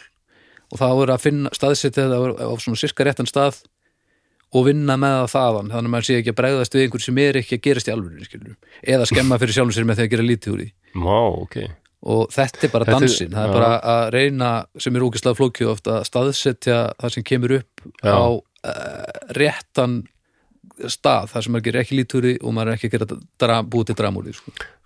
þú sem þetta aldrei öðru þessu upplifun en ég þáttur að bróður minn hafi nú dáið að mjög svipan hátt á pappið þinn Já. þá að þú svona litlu samfélagi sko. það er aldrei ólíkt já, virkulega það hefur áhrif á alla einhvern veginn það er, það er alveg það það tala ekki um pappið þinn alltaf kennari hann og margir, já, já, já. já, svona, svona hefur áhrif á allt samfélagið og emmitt það má ekki svo var það, maður þarf að passa sér líka emmitt á því að þó ég sé kannski búið með þetta þá á samfélagi, er ekki innstæðing og það þarf að fá sitt líka og það er ekkert minna mikilvægt sko. nei, nei þannig að þetta er þetta, ég, ég, skil þetta sem að það þarf að tekla hlutina fyrir það sem þeir eru en það að ná að staðsetja þá þeir eru ekki það sama fyrir öllum skilur einn atbyrður er ekki það sama fyrir mér og fyrir einhverjum sem er, er aðeins lengra þangað og þá getur maður þurft að að bregðast við honum fyrir sig og svo Mm. þarf maður að, að bregðast við honum með aðra í huga sko. Aldrei að vera margir sem kannski myndu ekki skilja eða þú hefur sagt kannski til dæmis að í rauninu er þetta bara léttir fyrir fjölskylduna Já þannig að það er Já, Uh, ég veit það ekki alveg en ég, ég flestir myndir náttúrulega jú, ég veit það ekki ég veit hugmyndu uh, en það skiptir mikið alveg öllu máli hvort fólk skilur það en það var aðalega fyrir mig sko að gleyma ekki að að aðrir þurfa líka sitt sko. Það, það var það sem var svolítið svolítið flókið og það, og það sagt að því að það var ekki minn já, mín upplifun ekki minn raunveruleiki að gleyma því ekki að aðrir sjáu þetta öðruvísi. Já, já. Fyrir þá sem að hlusta og fatt ekki alveg þá uh, lést pappans Já. Baldus og, og bróður minn báðir skúr uh, Parkinson Já, svona Þetta er langt dauðastríð þar sem þeir bara urður skugginn af sjálfum sér og manni, maður hafið á tilfinningunni undir lokin að karakterin væri eiginlega bara horfin sko, Já. mestu leiti en á svona, löng, í svona, svona skel hann eftir í svona lungu ferli þá eins og ég gerði þetta upp miklu fyrr en þetta, þessu, þessu laug sko. já, og það er þessu sem lítur svo skringilega út fyrir öðrum sem sjáðu þetta út undan sér Já. og uh, maður þurft að passa upp á að, að gera ekki meira drama í haustum á sér en maður var að upplifa en ekki minna en maður þurfti að, maður þurfti að sinna þess að þetta var samt ömulegt og ekki lægi sko. já, og svo það já, að staðsetja þetta að aðrir eru á öðrum stað og það þarf líka að hjálpa þeim sko, því að þetta er, þetta er, þetta er leiðilegt fyrir alla skilur. Og þannig að ég, ég er alveg sammála því að þegar svona tilfinningar kom upp eins og hún er að segja þá þarf að tækla það. Mm en mér finnst það kannski svona já, hann er svolítið uh, dramatískur í, í yfirlýsingum. En sem, sem er kannski bara fínt Já, já, þannig dálítið- nærið þannig nærið í gegn og þannig erum við að tala um þetta í dag skilur já, það hefur verið eitthvað já, og ég held að, hérna, að hefnar sín sé bara mjög náttúruleg uh, hérna, tilfinning held ég oftast, stundum, -hmm. stundum reynlega, þá held ég, að, þú veist, ef að, þetta væri eitthvað svona hálka, hvað væri við ekki að tala um þetta í dag? Sko, eitt besti vinnur hans Nietzsche saði að hann var einmitt svona sko. maður satt kannski með honum já, og hann var alveg ekki að spara stóru orðin sko. Mæni, alveg bara, hérna, ég held að hann hafi verið þessi típa sko, bara svona, svona maður sér bara myndunum, ég held að hann hafi verið þessi típa sem bara, Jói Hermans já en Hermans meiri svona held að Jói Hermans er okkar helsti heimsbyggingur samtímans. Já, er sem er vinnur okkar flosa. Já, já, en hann svona, svona alveg afgerandi yfirlýsingar um, já, já stundum bakkaður upp og stundum ekki en gleymi alltaf- aldrei hvað Jói sagði um sko að maður ætti alltaf að leitast eftir því að, að, að kúka í vinnunni. Því að það er svo rosalega góð tilfinning að kúka á launum akkurat. Þetta, er þetta að segja mér að þetta sé ekki heimsbyggingur nákvæmlega, það er bara betri tilfinning en að Jú, eftir að draga sig innst inn í eitthvað dal eftir nokkur ár og skrifa og skrifa og skrifa já, já, og svo eftir einmitt, 150 ár verða bara einhverjir já, það er, eh, ég veit ekki, það eru þrýr menn sem ég oft hugsa að maður þarf að skráða þetta niður sko. það er Jói Hermans, Já, Arnar Þorvarðarsson þetta er sneið, annar húsíkingur sem er algjör gullkorn oft sko og svo var Sigurinn Kerstarsson ég verði eiginlega að skrá niður hann sérstaklega oft svona á æfingum og tónleikum hann kom að stundu svo mikil æðislega gullkorn. Já, ég ætlar ekki að fara að gaupa það svona gítartjúna Sigurinn minn, æ, ég vantreysti svona tjúnurum sem er svona tæki sem er svo miklu, miklu nákvæmar heldur en mann segir að. Já, já. já, já en aftur að nýtsi, já, ég, já, talandi um svona fylgjast með dauðastríð annars fólk sko, kærast annars hérna, og lífsförunutur hans Óla bróður, hún Þorgerður hún lést úr krabbamenni Mm. 2004 eða þrjú byttu nú við, neð, ó, hjálp 2004 held ég að það verið rekar um haustið um, þá var ég daldið mikið að drekka Já. áfengi Já. Og bara ég hætti með bauðst eitthvað annað en áfengi þá tók ég alveg því líka. Var alveg að fulla að deyfa mig og ég man ég hugsaði tilbaka þá var ég alveg dofin fyrir þessu heimsækjan á spítalan og öllum leið svo illa og Óla leið svo illa. Mm. og ég var bara svo, var eitthvað svona inn í fristiklefa já, já, þessar tilfýringar komust ekkit hvorki út úr fristiklefanum sem hjartaði mér var þarna. Já. Eða bara tilfýringar fólksins til mín ég var það eru fristi klefanum sem hjarta mitt var þarna? Já, drama! Ég veit að þetta Shit, maður, já, talandi um að þetta þurfa að er skrifa niður, þetta er auðvitað texti með Sálan Sjónsmís ekki hjarta mitt er fristiklefi ég held þessi texti með flosa bara á næstu plötu. Já, ég þarf, ó, við dreymir um að gera svona blötu sko. Það er ekki rosalega já. en já. En þú notaði líka efni En- til að deyfa sko. Já, og ég finn mannefnilega muni sko þegar, þegar Óli bróður veikist og hann að deyja, þá er ég hættur að drekka. Já, og, ég, ég var ekkit, ég var alveg berskjaldaður fyrir sásökunum, varleðinni sko. Já, og það var svo erfitt, en, en Nietzsche segir einmitt, þú átt ekki þú átt að leifa sásökunum að koma. Já. hann á að koma, hann á að segja þér eitthvað og þú ert að bregðast við honum já, ég, ég er alveg svolítið sammála nýtt er það ekki? jú, þú veist.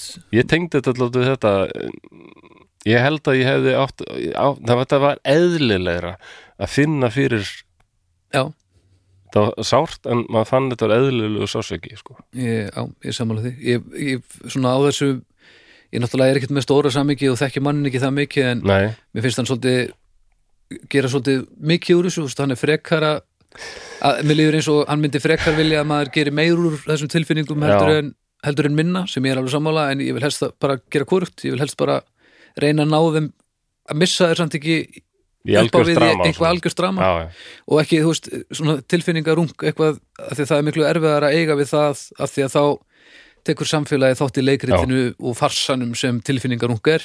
Já, þannig ég, ég vil reyna að, að komast á staðin þar sem þetta er hvað, hvað, svona, hvað maður segja, sannast?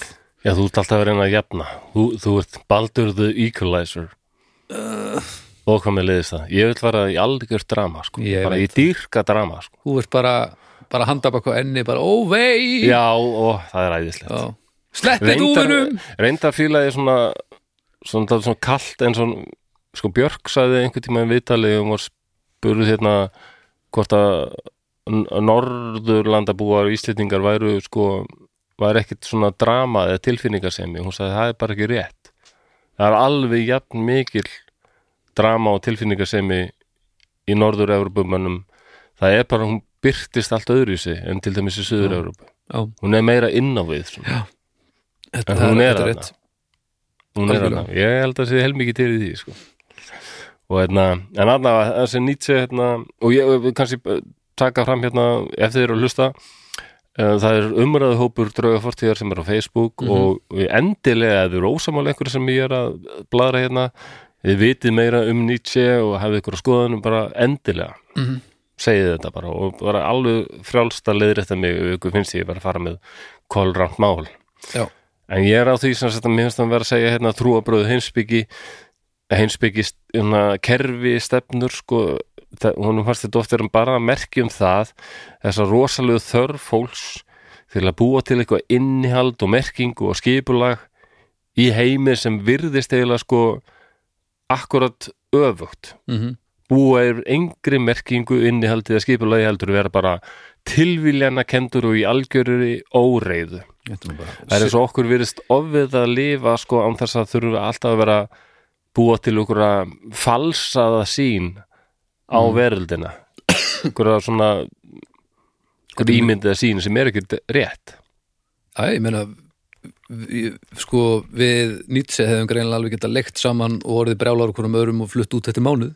Við heyrst það. Já, eða bara að ég, við erum það er sagt- mjög gaman að hefst ekki Já, við erum, við erum, ég er alveg sammálunum ég held að það hafi verið rosalega erfitt að að hérna að í kringum að stundum ef hann var svona í daglegu lífi. Kannski var hann bara alveg örugglega. tillaður alveg tillaður svona venjulega en svo þegar hann byrjaði að skrifa skrifa hann eiginlega hot, ég veit ekki Já, en ég er sammálað þessu það eru margir og, sem vil, en sko eins og vinir hann sko, hann var til dæmis rosalega ástfanginn sko Mm. og hann, hann var alls ekki kvenn, hann var mjög þvert á móti var hann ekki kvennhættari heldur sko mjög hlindur kvennabáratu þegar hann var prófessor í háskólan þá var einmitt Ok. uh, verið að ræða það hvort það ætti að fara að hleypa konum inn í háskólan Já. og þeir voru, fimm, þeir voru fjórir prófessorir þarna mm, sem átt að skila inn atkvæði, þeir eru allir á móti nema einn, þessi einið var Nietzsche. Já, hann var hlindur því ok. að konum einna, já, já.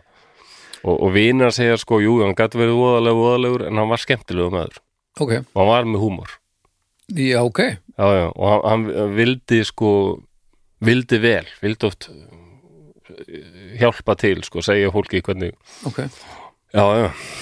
Um, já, hann er frækt sko, þetta er mikið talað um þetta í sakfræðinni til dæmis sko. Mm, um, einmitt að því að sumir segja sko, einmitt þessi tómhyggju nýhilistar og svona postmodernistar mm, segja sko að það sakfræði er svo tilgangslös að því að það er einhver sem búin að skrifa um eitthvað sem gerðist en hann kemur alltaf með sína já, já.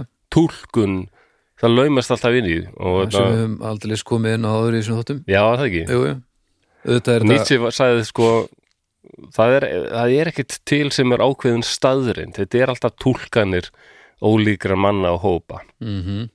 sjónarotnið maður. Já, já, Sa eitt lutur er ekki það sama. Já, já. En, en Nietzsche var samt ekki að því við ættum þá bara allt væri mólust og við ættum að leggja bara árar í bát og gefast upp bara þvert á móti.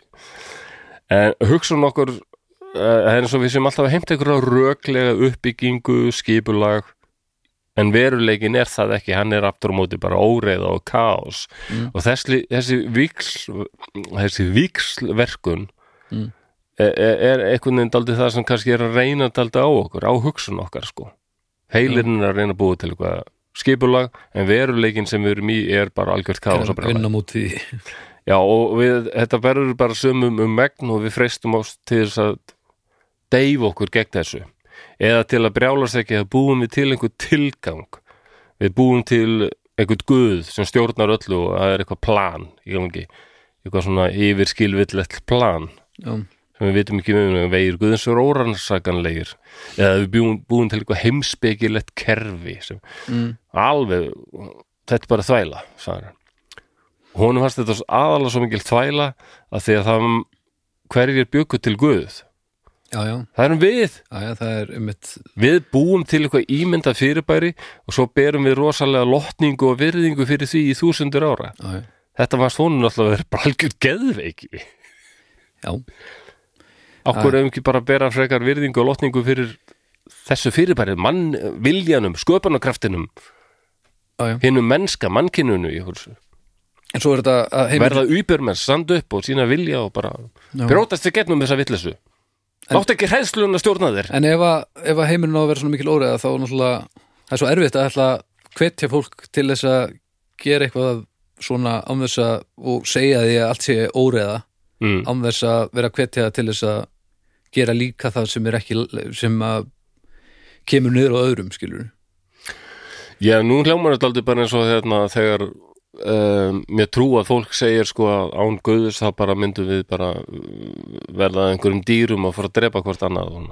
Já, já, og ég er, sem, sest, ég er svolítið að segja saman um ekki án Guðs, þú veist ég, er alveg til að tala Guð út úr þessu en, en þurfa að vera einhver viðmið þannig að það fari ekki allt í steik eða er fólk kannski bara almennt ekki að leita að glundróða, þannig að myndið að leysast, leysast þannig sko og svo náttúrulega spurningin ef að heimurinn er svona mikil óreiða þá er samt það er samt strúktúr á honum sko, þú veist það er það er, kemur dagur, það kemur nótt Já, það, já. það líður veist, tíminn virðist líða þokkalega jæmt allavega hjá okkur og, og hvort sem að það Já, já, breytist eftir í hvar við erum í alheiminum og það allt saman þá erum við allavega ekki með upplýsingar um það núna þannig Nei, nei. að kannski getum við unni út frá því að eitthvað líði þokkalega jæmt og það sé nóg til þess að búið til einhvers konar strúktúr já, í restina af lífinu, ég ger mikið grein fyrir því sko. Mhm. en, en, en Baldur sko, ég meina sólin kom upp og skein á einhvern mann fyrir 20.000 árum síðan. Já.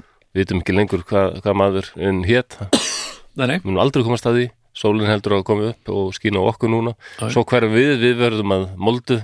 Áfram kemur sólin og hvað já, svo hverfur sólin náttúrulega veist, ár eftir ár, sólagang eftir sólagang og til hvers? Þetta er líka við erum bara lítið rekordni í geimnum og, og, og við erum litlar óværur á þessu rekordni og, og af hverju erum við svona smá? Hvað erum við að gera hérna ein í þessu svarta galtómi sem geimurinn er? Til hvers er þetta allt? Þetta er ég brjálast, ég brjálast. Guð, komstu, hjálpaðu og Nei, þér þetta eru með spurningar sem að uh, sem stann eru við með staðarindir eins og við erum kórn í uh, þessu alheimsrugli sem er í gangi og fullt dust gerist á wind, man, we're Nei. fullt sem gerist áður og fullt sem gerist eftir og við munum aldrei komast að því þannig að við þurfum kannski aðeins líka að reyna að bestla hversu stórar spurningar það eru sem við viljum vera að vinna með. Ef við getum að reyna að vikka okkar sín aðeins meira en við erum með nú þegar fyrir að reyna að svara öllu dæminu sem við eigum ekki sensi að svara. Þetta er svona þetta er að sama og vera að reyna besta tilfinningar sinnar á réttan stað. Það er að vera kannski ekki endilega að spyrja allt og stóra spurninga en allavega ekki sætta sig við bara eitthvað bull til þess að þurfi ekki að díla vinnunum spurningar heldur reyna að finna ykkur svona Já, ef ekki aðeins að reyna að finna spurningar sem við getum mögulega átt sjans á að já, svara þú veist. ég held, jú, jú, ég held við erum kannski ekki að fara að svara öllum spurningunum en ef við samt ekki að reyna að svara einhverjum spurningum, ef við bara að móka mannarskitt upp í hvort annað og láta og e, þetta sé allt einhver öðru að kenna sko. Og hvað vildi Nietzsche væri núna? Við erum aldrei vesen að því að hvoruður okkar tala þýskur ég held að myndi ránkólu augunum að því að hann er löngu búin að pæla í þessu öllu saman miklu dýpra Já, já, áður hann- sko, ég held að hann væri bara svona býða hann væri bara svona í afplánun. En þú veist, já, Já, já. En hann ég held að hann væri aðalega, hann- hann- hrættur að því að það væri bara bílar og, og flugvélar og alls konar sitt hérna. Sko, það er mjög smi- Já, og hann, hann var eiginlega Ég væri alveg til að vita hvað honum myndi þykjum alla þessa samfélagsmiðla og fjölmiðla og þetta selfie menninguna og sjálfstýrkunin og Instagram áhrifavalda og svona. Já, En þetta, hvað af þessu er til dæmis hvað af því er alvöru?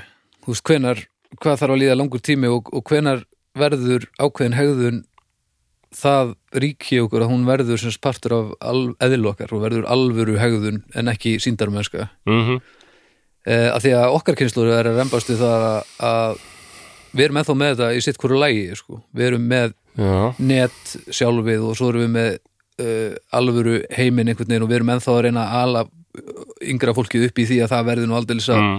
að, að upplifa heiminn líka og svo einhverju tímpúti þá lítur þetta að sullast það mikið saman að, að þetta verður allt já, partur af þessu og síndar mennska og það sem við kallum alvöru það er kannski ekki það stór munur á. Ég veit ekki. Þetta er, Þetta minnir alltaf að franskur hensbyggingur sem heitir Bourdieu. Hann átti aldrei að tala um þetta. Bourdieu? Já, það er sem sagt eitthvað svona eitthvað viðmið og eitthvað norm Já. sem einhver svona einhvers konar ráðandi stjætt mm, getum kallað að valdastjætt en við getum alveg sagt að áhrif að valdar séu ákveðin valdastjætt sko. Ekki bara fórsettisraðurann í raunum margir, ég menna eins og Kylie, heitir hún ekki Kylie Jenner menn hún er miklu valdameiri heldur en Katrín Jakobsdóttir bara já, sem áhrif á valdur getur verið gífulega valdamikið haft Algjörlega. áhrif á fólk sko. hann, að, hann vildi meina bara þetta fólk er með ákveðið síðferði og viðmið sem verður síðan bara svona norm sko. já, já. eins og, taldi eins og tala, eins og þetta tala um kannski og hvenar er það er það rámt eða Já, hver á að dæmi um það er mitt sko og hver slóða bilið, þú veist Ég myndi segja, jú, það er rangt ef þú ert að eins og Nietzsche segir sko, þú ert að komast að því hver þú ert, en þú ert að reyna að eldast við ykkur viðmið og, og siðferði annars fólks í staðin fyrir að viðurkenna nákvæmlega hvernig þitt er. En þá erum við að tala um að þarna fylgjendur þá ertu komin í eitthvað þræla siðferði en sko. viltu það meina að fylgjendur kæli séu vandamálið frekar en hún sjálf af því að Ja. það er, þetta, þetta er svolítið dýrkun í hennar átt en hún er kannski meira að gera sitt og bara vinna með það sem hún hefur til þess að koma sér það vel fyrir. já, það má vel vera sko. Já, en samt sko, hún, hún lítur að vera einhver, einhver ábyrð hennar megin sko. Og það, Adolf Hitler hafi kannski byrjað á því bara að vera að tala einhver staðar. Út á götu þá lítur einhver ábyrð hjá fólkinu sem þetta er svo Joe Rogan, það verður að vera að tala um hann það podcastar hann, já, daginn sko það verður ymsir að segja að þessi maður er bara hættulegur. En ég spyr á móti hvernig getur maður verið hættulegur sem er bara að gera það saman og ég, hann er bara að tala í einhvern mikrofón. Hann er ekki út á götu að skjóta einhvern sko. Nei, nei. Eru þeir ekki aðalega hættulegir sem bara taka of alvarlega það sem hann að segja og ég veit það ekki? Jú, en það fyrir náttúrulega líka eftir í ef við varum að létta hlustendum okkar það að finnast þeir betri en aðrir samfélagshópar eða eitthvað svoleiðis Já. þá myndi ég segja að það væri vafasamt hjá okkur. Já, já, uh, auðvitað því. erum við ekki að láta fólk gera neitt þá en þú veist svona já, þegar þú ert fann að daðra við hatturs orðræðu nema bara ekki það stert skilur mm bara til þess að að tvístra hópi og, og þú ert að tala við rosalega marga er hann daldið að gera það þjóra okkar? Nei, hann, ég hef, ég hef ekki orðið sem mikið verið það. ég hef bara ekki hlustað neitt á hann, ég get ekki alveg tjáð ég, maður sér að poppa upp svona einhverjar fyrirsagnir já, en kannski er þetta oft tekið úr saman mikið, ég veit það ekki. En já, Já. Þetta, þetta, er, þetta er bara pínu flókið sko. Það er alveg þannig. Æjá um, en já, þetta er, bara, þetta er bara svolítið eins og konan talaði um daginn þegar henni fannst vera að ég, sérstaklega ég var að tala svolítið niður til Kristina skilur já, þú veist, það má alveg fara rauk fyrir því að, að það sé þá þessi vafa sem að hegðun sem umræði sko, nei æ, nema þú átt bara rétt á því að tala niður til þess sem þér líkar ekki við. Já, ég nenni þess ekki. en það væri bara stundum alltaf að lappa á einhverjum ekkjaskurnum er ekki hægt. Hvernig alltaf fólk að hætta þessu? Þi- við getum ekki lifað svona Nei, en ef, ef allir tala niður til þeirra sem þeir vilja tala niður til Já, þú, ert, aldrei. þú ert að tala niður til ákveðins kerfis siðferðis, kristninnar. Já, já, en ég kom því greinlega ekki ekki- vel til skila skilur við. Já, það minnst vera annað fólki að segja að allir kristnir eru hálfvitar. Já, Þetta já. er bara fávitar sem að lokin að Já, já, Þá ert þú mun að ganga langt já, ég skil, já, Menna, Ok. come on. Já, þá erum við sammála. Já, mér veist það. Ég er ekki hrifin af þessum trúabröðum Kristni, Íslam og svona. Mm. En ég, þú finnur mig aldrei segja bara múslimar og hálfvitar eitthvað kristnir og, Nei, nei, ekki kristnir og múslimar en ég kann ekki við þessi kerfi þeirra. Nei, nei, og hvað þau eru opástlega fylgja þessum kerfum einhvern veginn, ég er alveg með nýtsið þarna sko, já, hvort það fylgja þessu bara eins og ykkur þræll og bara já, já, algjörlega. Nei, nei, já, Nietzsche er að draga fram það besta í okkur hérna. ég menna hann, hann hafði rosalega áhrif einmitt, Já. daldið svipað eins og við erum að tala um hérna sko, já. þannig að hann hentaði 20 stöldinni gífulega vel sko já, Já, þetta guðir döður, þetta er örugglega oft miskilið, sko. Ég var einmitt í tíma með einum sem var alltaf Kristinn og hann uh, var alveg brjálaður langaði eiginlega bara kvart yfir kennaranum.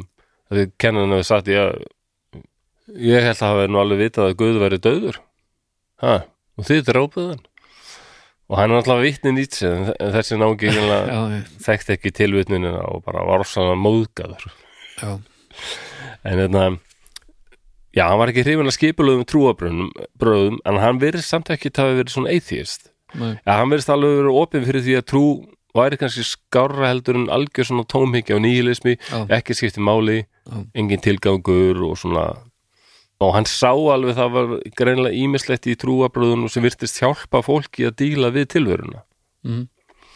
en, en samt fannst honum eins og trúabröð væru ekki góð. Það væri svo margt annað sem væri hjálplegra og betra. Það var til dæmis menning culture, Ok, listir. við Nietzsche erum Já, og ég held Við ég erum geti alveg- alveg, þessi ekki að leikt sko. saman alveg Nei, ég, ég var ekki til að leiða með honum að því að basically ég var ekki til að leiða með mér skilur, Nei, hvað sem er. En hérna, og ekki, ég er alls ekki að líka mér og Nietzsche það mikið saman skilur við, en, en þið viti hvað ég er að fara. Ég held að við, hann er í þreyttur og mér og ég er í sennilega þreyttur hún. En þessi nýhilismi eða tómhyggjan. Já, Já, ok, tómhyggja nú tek ég bara beint af Wikipedia. Já. bara íslensku, ég fann það. Bara láta ykkur vita það. Mhm.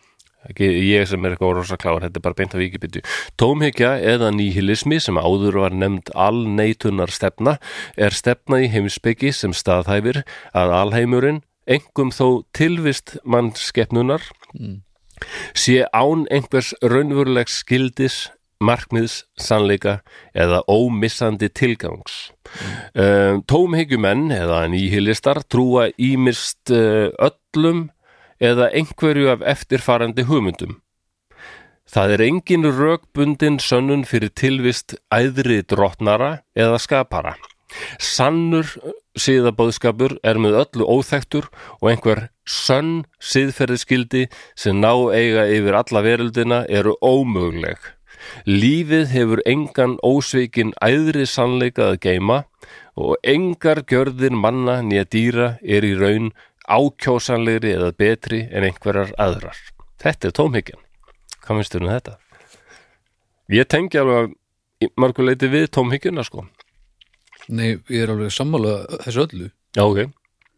sem pínu, ég hef aldrei hugsað um mig sem nýhilista Nei, en ég myndi, þú veist, nýhilistar líka eru svolítið þegar er verða svo miklu pósirar að þeim eru samum allt, að því mér er ekki samum allt nei. Þarna, Alls ég held að þarna skilum milli sko. Eh, en ég er alveg sammála þessu öllu saman. Já, ég held að þetta sé allt saman bara svona, basically. Um, en mér langar samt ekki að allt fari í sk- skít skilur ég vil ekki að allir byrja að haga sér svona eins og uh, ekkert skipti máli þó að gera það sannleiki eh, skil, eins og ég skil Nietzsche þá var hann á því sko ef við tökumst ekki á við þessa tómhyggju en að nýhilisma Mm. þá sökvum við bara í ykkur að dýrslega villumenn sko. já, ég, það er það sem ég er að Já, meina ég held þú sérst aldrei að segja það sko. Þú átt að, takast á við þetta en það sem ég, mér myndi langa að gæti gerst En sem þú, ég held að geti ekki gerst það Er- að fólk fái tilgangin sem það þarf hamingju, hugun og tilgang í því hvað heimurinn er ógeðslega næs og skemmtilegu sem mér finnst hann vera á eigin forsendum. Og það sé nóg, sem sagt ekki já, að við sem ekki að búa til æðri Þú þarft ekki að vera í kirkjuna til að láta prestin alltaf segja nei, og ekki æðri mátt til þess að, að því að auðvitað búum við til Guð til að fylla upp að því að allt er nú að stemmari fyrir því að, að fá hjálp.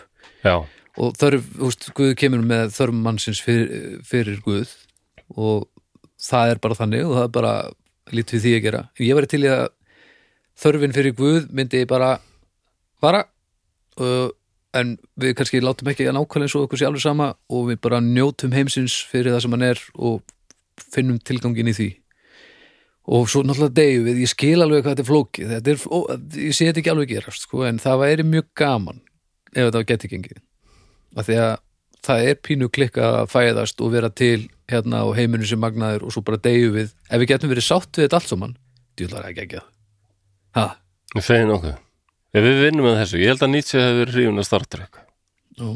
Það er alveg komin þessi þetta sem hann sá fyrir að fólkið yrði sko hérna það myndi aldrei standa upp og fara að leita að einhverju leita að einhverju tilgangi og sannleika bara og ég er og, og á ég, svona heilna mér máta heldur en bara trúa blind á einhvern nýmyndaðan guð og ég sem sagt, þegar ég er að tala um tilgang þá er ég bara að segja að því að það er svolítið það sem að hefur alltaf verið talað um en ég var eiginlega, bara til í að tilgangur myndi síðan bara svona fjár út. Já, af því að ég held að til, tilgangur er stórlega ómetinn sko. Já, kannski, sko mér finnst að ég tala um Star Trek þá er eitt annað sem hérna jú, jú, tónlist og listir finnst mér alveg eðislega, það er annað sem mér finnst líka alveg ja, stórgóðslegt, sko. Og það er, það er vísindin. Já.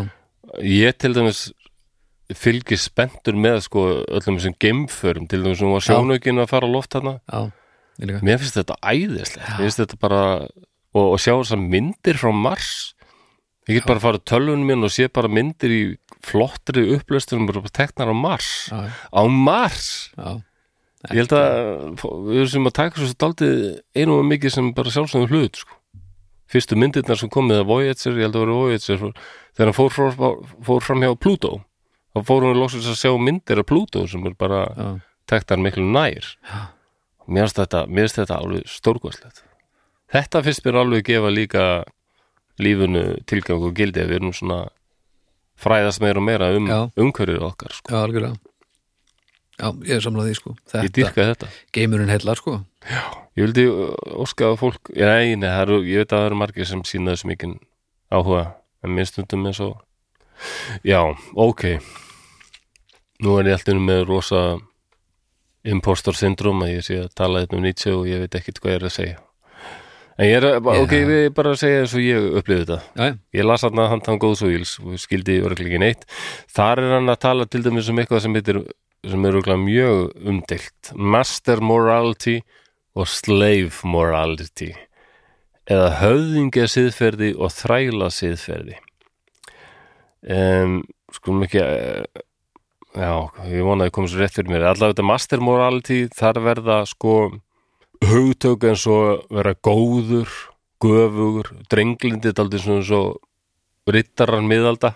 Mm, og þetta er bara máttur hérna sterku og valdamiklu sem er að búa til eitthvað síðferði hvað er gott og hvað ekki. Mm, en þrælarnir mm, undurókuðu búa til eigið síðferði sem einkennist líka af stöðu þeirra alveg svo Já. höfðingjana sko. Og það er hann meina svona samkend auðmýkt umhegja gagvart náunganum allt þetta sem við kristina því hann vil meina að það voru mm, undirókaðir þrælar sem bara öndan sko sigra. Mm, þrælarnir hafa vel að sigra þetta var einhver baróta og, og svona veikleiki og undirlæju háttur þetta verða svona submission. Þetta, þetta verður svona þetta verður svona góðir Já, þættir. Ég skil ég en raunir sko hugsa ég að Nietzsche myndi segja að þrælarnir hafi alveg unnið þetta. Og kristnin er skýrasta dæmi um það. Já, og því að og það sem gerist er að, að hún kalla þetta valdina veiku. Að þeim test að koma sínu siðferði að þannig að núna eru sko náttúrulegir höfðingjar það eru glætt að miskilda rosalega eða kannski er þetta allt bara brjálaði hjá honum. Að náttúrulegir höfðingjar taka að hata sjálfa sig af því að þeir fara að sjá sjálfa sig með augum þrælsins. Og eiginlega hafa þrælarnir þarna notað öfundina sem er mitt afl öfundað höfðingjana en tekist að segja höfðingjunum því að kú, kú okkur það er þið sem eru þennu vondi og þeim hefur tekist að sjá, láta þið mitt höfðingjana sjá kannski má segja þetta eins og með hvítamanni núna sem er alveg fullur og skömm gagvast öllum öðrum kynþáttum og, og samt að réttilega fyrst mér, mörgur leiti um, en, en Nietzsche var gaggrinn á þetta sko. Og núna kemur eitthvað sem ég finnst alveg mega þetta aldrei er það að skilja sko. Því að hann sagði hreinlega að gleðjast yfir þjáningu annar, það er bara það er mannlegt. Kannski ekki eðlilegt en það er mannlegt hann, mannkynnið er bara hreinlega ábeldisfullt og grimm þegar hann talar um þjáningu erum við að tala um þjáningu, þjáningu Við erum ekki að tala um uh, detta með Þetta- seikin sinn Það var vitna bara orðurétt í, í freyka úr Já. hérna bók sem heitir Um sifja fræði síðferðisins. okay. Að verða vitnið að þjáningu er gott. Að valda henni enn betra. ah, okay. Þetta er á, frikki, þú ert búin að missa baldur alveg. Þú varst, búin að ná hann svo vel en Nei, þarna losnaði nei, stóri Ég lagsins. skil alveg hvað hann er að fara Ok, þetta er, er, ekki, En- er ekki búið. Nei, nei, nei Ok, já, að verða vitnið að þjáningu er gott, að valda henni enn betra. Þetta er harður dómur, en gamall og þungvægur og allt of mannlegur. Án grimdar væri engin gleði. Þetta er lærdómur elstu og lengstu sögu mannsins og refsingin líka mikill gleði gjafi. Og ég hef þetta ekki alveg í samhengi sko, en Nei. En sko ég gef mér, hann er náttúrulega ekki að tala um mig eða þig skilur, þetta er náttúrulega stóra samvikið já, og það, Eh, kemur, og það er ekkert sem bendir til þess að hann hafi verið neitt satisti sko. Nei, nei, og, og veist, það er maður sér mörg dæmi um það og hún fannst þetta bara að vera, svona erum við. Ég skil það þannig sko. ef við horfum á fólki gegnum mannkynnsuguna þá er allavega nógu mikill stemmari fyrir refsingum Já. og úst, þetta er alveg partur af eðlinu, ég er alveg sammálað því en ég er samt ekki til í að við eigum að horfast í augu við þetta segja að þetta sé svona og rekta þetta skilur það held ég sé ekki góð hugmynd Nei, uh, og ég veit ekki að því að vantar veist, all- vildi hann bara matmaksa þetta alveg eða nei, ég hugsa það nú ekki. Nú er kannski einhverju sem tekja betur til en sem er að hlusta. En en hún fannst þetta þræla síðferði veikt og hérna, eins og þetta með náttúrulega höfð, það- þarna held ég að narsistarnir hafði aldrei tekið þetta einmitt sko. Mhm. Náttúrulega höfðingar sko, hún fannst þetta allt bara mjög undarlegt En hann leit ekki svo sem á skrif sín sem algjöra sannleika, þetta er bara, já, einhver svona tilraun sko. vanga veldur bara um, hann allavega, hann var sko hann var vakið sérstaklega aðtekli að því hann hann leiði, hann var eitt svo fyrsti sem fyrir að skrifa um að leiði sér að efast rosalega um þessi gildi sem voru bara samþykkt í arþúsundir og allir fylgdu einhvern veginn í blindni. Kemur hann maður sem segir bara þetta er bara, þetta er allt tilbúið. En og svo, hérna, og hann ræð, ræðist að svona rótgrón, rótgrónum hefðum í vestræðinu menningu. Það er alveg svona punk í já ég, sko. ég er ánað með það sko. Já.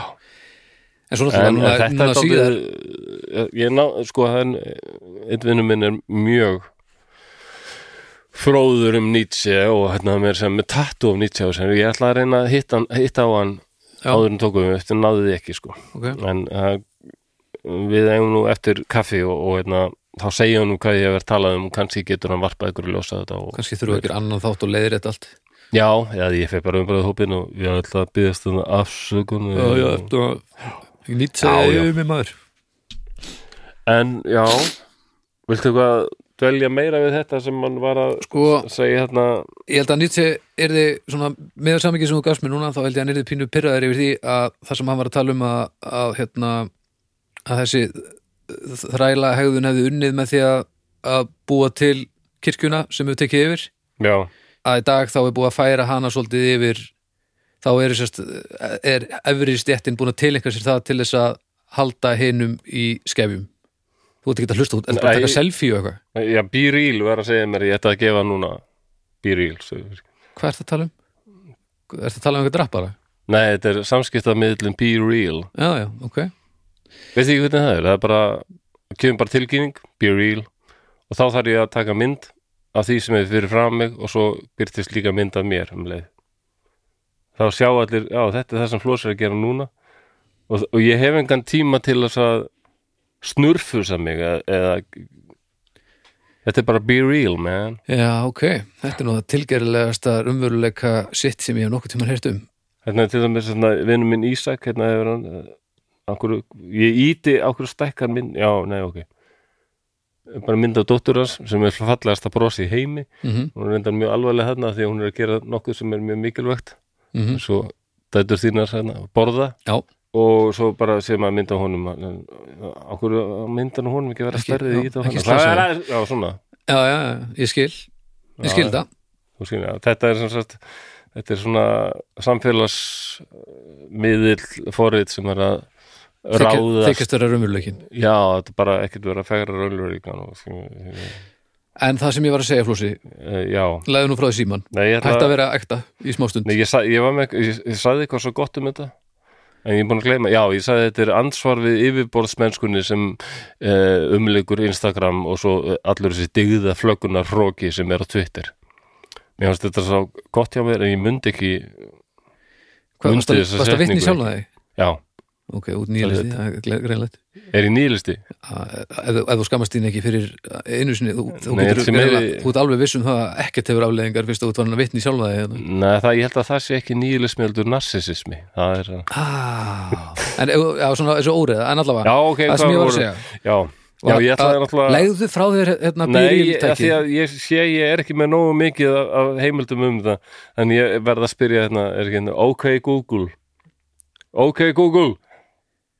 Did Nietzsche love cruelty?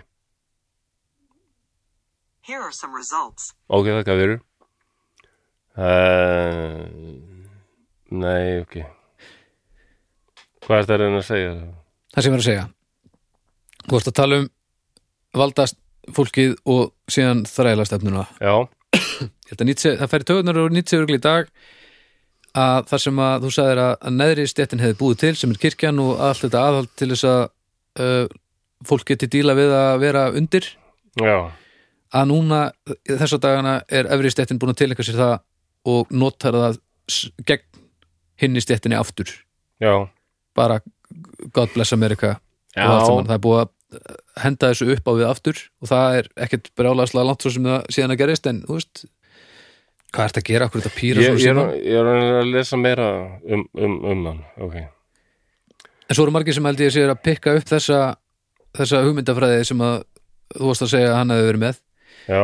Maður sér ofta á þessum sjálfsjálfbarnámskjöðum og eitthvað, viltu vera hákalla eða viltu vera rótla eða eitthvað svona svo- kjaftaði skilur Já, það. Já, þarna verð ég alveg Já, ég skil, sko. en það, þá svona- komin að persónulega persónulega levelið sko og þá ertu bara ég er bara með bindi og ég er hákall ég er engin helgis rótla Æ, Já, ok og þar verð ég aftur brjálaður sko. Já, ég skil. Uh, ætlar að segja eitthvað eða ætlar bara að vera í símanum? Vera ekta? Þetta er náttúrulega, ég fæ bara einhver lærðar rít gerðir hérna upp sko. á við fyrir ekki að stiðast í svoleiðisbull Mér skilst það að þegar hann talar um grimd Nietzsche, já, þá er hann náttúrulega sko, ekkit endilega að tala um sko, alveg einbettan brotavilja eða, eða óbeldi heldur sko að, að við séum til dæmis eins og þetta með hann hleypur á hestinum og faðmar hann. Já, hann skrifaði eitthvað um það til dæmis hvernig við komum fram við, dýr. Af fullkominu grimd en okkur finnst það bara eðlilegt. Já, og var örgulega verra á hans tíma sjálfsagt Já, að berja dýr. Ég man þegar ég var í Marokku og fór í hestaferð og það var ykkur gaurar með okkur sem var leiðbjörn okkur hvert við vorum að fara leiðsum já, og ég man að eittir var alltaf að kýla hestin já, og ég er alltaf að byggja hann að hætta þess og hann bara horfði á mig bara og skildi ekki hvað ég er að meina. Já, og svo þau komum tilbaka og var einn í hópnum sem var Marokkomaður sko. og ég sagði hann frá þessu og hann sagði mér, mér, hann er bara ekki fattað neitt af því að hún finnst þetta alveg eðlilegt. Já þetta er dýr bara lamin bara, hann, hann er bara að láta hesti vita að ég er æði eða eitthvað svona sko. Mm. en hann veit ekki að það sem þú kemur er þetta náttúrulega allt annað sko. þetta er bara menningar munnur sko. akkurat en mér skilst það að nýtt sér tala um einmitt um þetta sko. að grind mann sem sjáist til dæmis hvernig við kom- við komum fram við dýr sko. mm. það fullkomlega eðlilegt að drepa þau og svona sko. já, já, og, við, og, og við þurfum kannski daldið að skoða sko æ, ég, nú er ég komin út í ómikli heimsbyggi ef einhver tíman En það er allavega þetta hugsunarleysi skýrs mér sem nýtt sér sagði við þurfum að hafa aðeins betur í huga sko. Þurfum að hugsa meira. með beinni hugsun um hvað við erum að svo gera er, og af að hverju gera sko. og við hvað já, Þannig skil ég það, nú eru einhverju sem geta útskýrt þetta miklu betur. Nei. frá því síman Já, ég leika frá mér síma. Já, já. Hann haf, já, hann har haft gífulega áhrif. Varstu með einhverjum meiri pælingar í Nei. sambandi? Er þið búin að eyðileika allt með því að taka úr síman? nei, nei, ekki allt varstu að segja eitthvað þarna sem, sem ég nei, nei, hlustaði ekki á? alls ekki, Jú, bara er ég búin að skemma allt? nei, Hvað hef ég gert? höldum bara áfram, þetta er allt í góðu ok rosalega áhrif og bæði sko stjórnmálum bæði á vinstri menn og hægri menn eins og áðum um talað um með þess að anarkistar já, mjög spennti fyrir honum. Já, og svo einn hópur sem ég finnst aldrei merkilegt. Ok. það eru gýðingar sérstaklega þessi hluti gýðingar sem kallast síonistar sem voru á því að að gýðingar þyrftu að finna sitt eigið land til að búa í. Já, og það yrði það land sem þeir komið frá upprunalega. Já. Ísrael. Og maður skilur um þetta þetta með viljan sko. Stand upp, hætt að vera undir okaður og kúaður, Mm. já, statt upp og gerði eitthvað í því. Og hérna náungi sem er fyrsti forseti í Ísrael uh, Chaim Weizmann hann hérna sendi konu sinni bók einhvern tímann. Og það var bók eftir Nietzsche. Og hann skrifaði með bref þetta, þessi bók það er besta gjöf sem ég gætt nokkuð tímann fundið til að gefa þér. Nietzsche Þe, og þeir eru opposlega margir sko af þeim sem stopnuðu Ísrael og voru svona fyrstu baráttumennir fyrir eigin landi gýðinga, þeir voru gífulega af Nietzsche, hann hafði rosalega áhrif á þá sko. Já, Já, já, já, og hérna vá til dæmis hérna, það var eitt sem heit Ísrael Eldad sem var eiginlega svona hugmyndafræðingur uh, gýðinga og sérstaklega þeirra gýðinga sem börðust sko bretum mm, í Palestínu fyrst uh, stjórnuðu bretar þessu sveiði sko. Mm og hérna það kom til ykkur átaka þarna sko gýðingar vildu bara fá þetta. Já, og bara voru samfæður um það að þeir þústu að berjast fyrir þessu. Uh, hann skrifaði um Nietzsche sko í, í hérna einhverju dagbla, eða einhverju svona bla, bleðli sem var dreift á meðal ba baráttu hópsins sko Mm. og hann átti setna eftir að er að þýða nær allar bækurnarnas á hebru sko. Já ok. Þannig að þetta fyrst sérstök sérstök tenging þarna sko. en er hún til góðs? Maður veit það ekki. Ég menna flestum finnst nú ég, það er sérstætt með Ísrael. Flestum finnst nú örgulega er sammála því að gýðingar hafa verið rosalega ofsóttir. Já, en, en svo fá þeir hérna sitt eigið land og, og það, hvernig þeir hafa haldið á spilun þar nú oft gaggrind alveg sagalega heldur betur. Já. Já, já, já, en sko það sem mér finnst áhugaverst við þetta sem þú ert að segja núna hverjir hafa tilengar sér það sem Nietzsche hefur að segja. Þetta er bara svolítið eins og með Nostradamus nema Nietzsche hefur náttúrulega með miklu betra efni. Já, að hver sem er getur basically fundið eitthvað og staðfært það yfir á Sinn tilgang. þannig. já, og gefið sér gott búst í því sem að maður ætlar að gera sama, grein, þú veist, greinilega sama hver maður er sko. já, já þó svo að ég sé þetta er allt miklu betra þú Nietzsche var ekki bara að gera ekkert, þetta er alveg pælingar sko. Nei, nú eru arabatir hinnir undur ókvöðu, sko. Þeir ættu alveg að geta nýtt sér hugmyndir nýtt sér líka.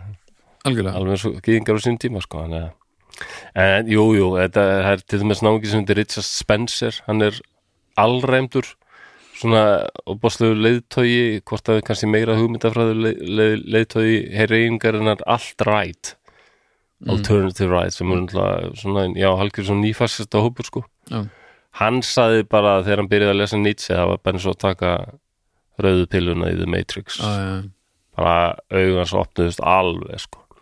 svo var það einn annar sem er svona mjög umteldur og svona já, er kannski fólk á hægri vagnum hefur svona, og þeir sem eru ekkert ofsalega hrifnir af auknum kvenréttindum og svona virkilega tekið hennan Jordan Peterson upp á sína arma. Mm, uh, Jordan Peterson er sko, það er alveg augljóst að hann er mjög hrifin af Nietzsche, hann er alltaf vitni í hann sko.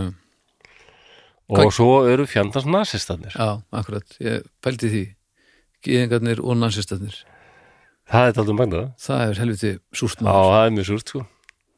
Mér, þessna vildi ég endilega taka það geðingarna með, ég held margir áttist ekki á því. Það er frægar að nasistanir já, en geðingarnir síónistarnir voru yfir sér hrifnir af Nietzsche líka. Já, en það voru að hann elst upp ja, Nietzsche er hérna í Þýskalandi sem er svona daldið, já, nánast svona alræðisríki. Það er ekki drosalt frelsi þar. Þarna réð Bismarck ríkjum kanslarinn sem mm. kallaður járnkanslarinn.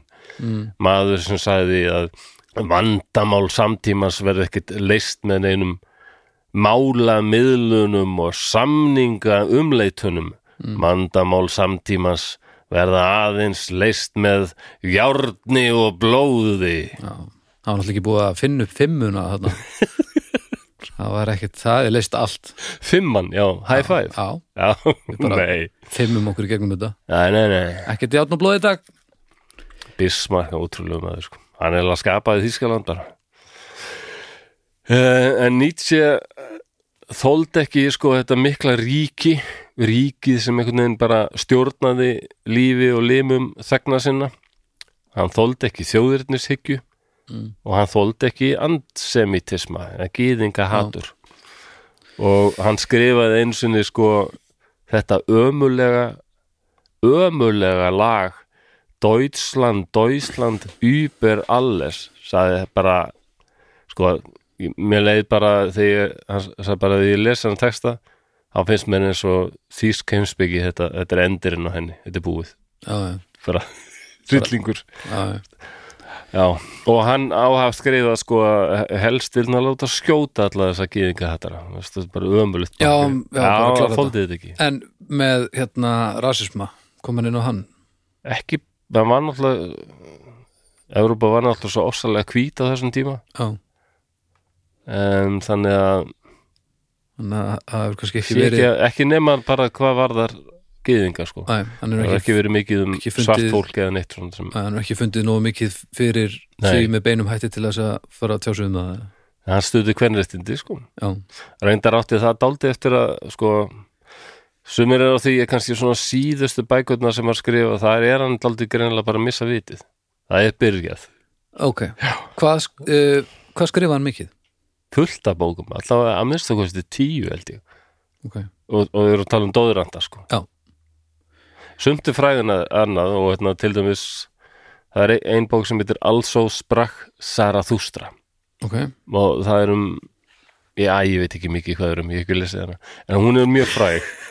Last ekki aftan á þessu? Mér minnir allavega að ég las eitthvað um hana og það er allavega að Sara Þústráður eitthvað svona heimsbyggingur eða vitringur Já, sem er búin að komast að sannleika lífsins og svo kemur hann til manns, mannkynsins og ætlar að fara að segja öllum frá því en það nefndi enginn að hlusta á hana því að það var fjölleikahús í bænum Þetta er næstu því eins og bara don't look up sko.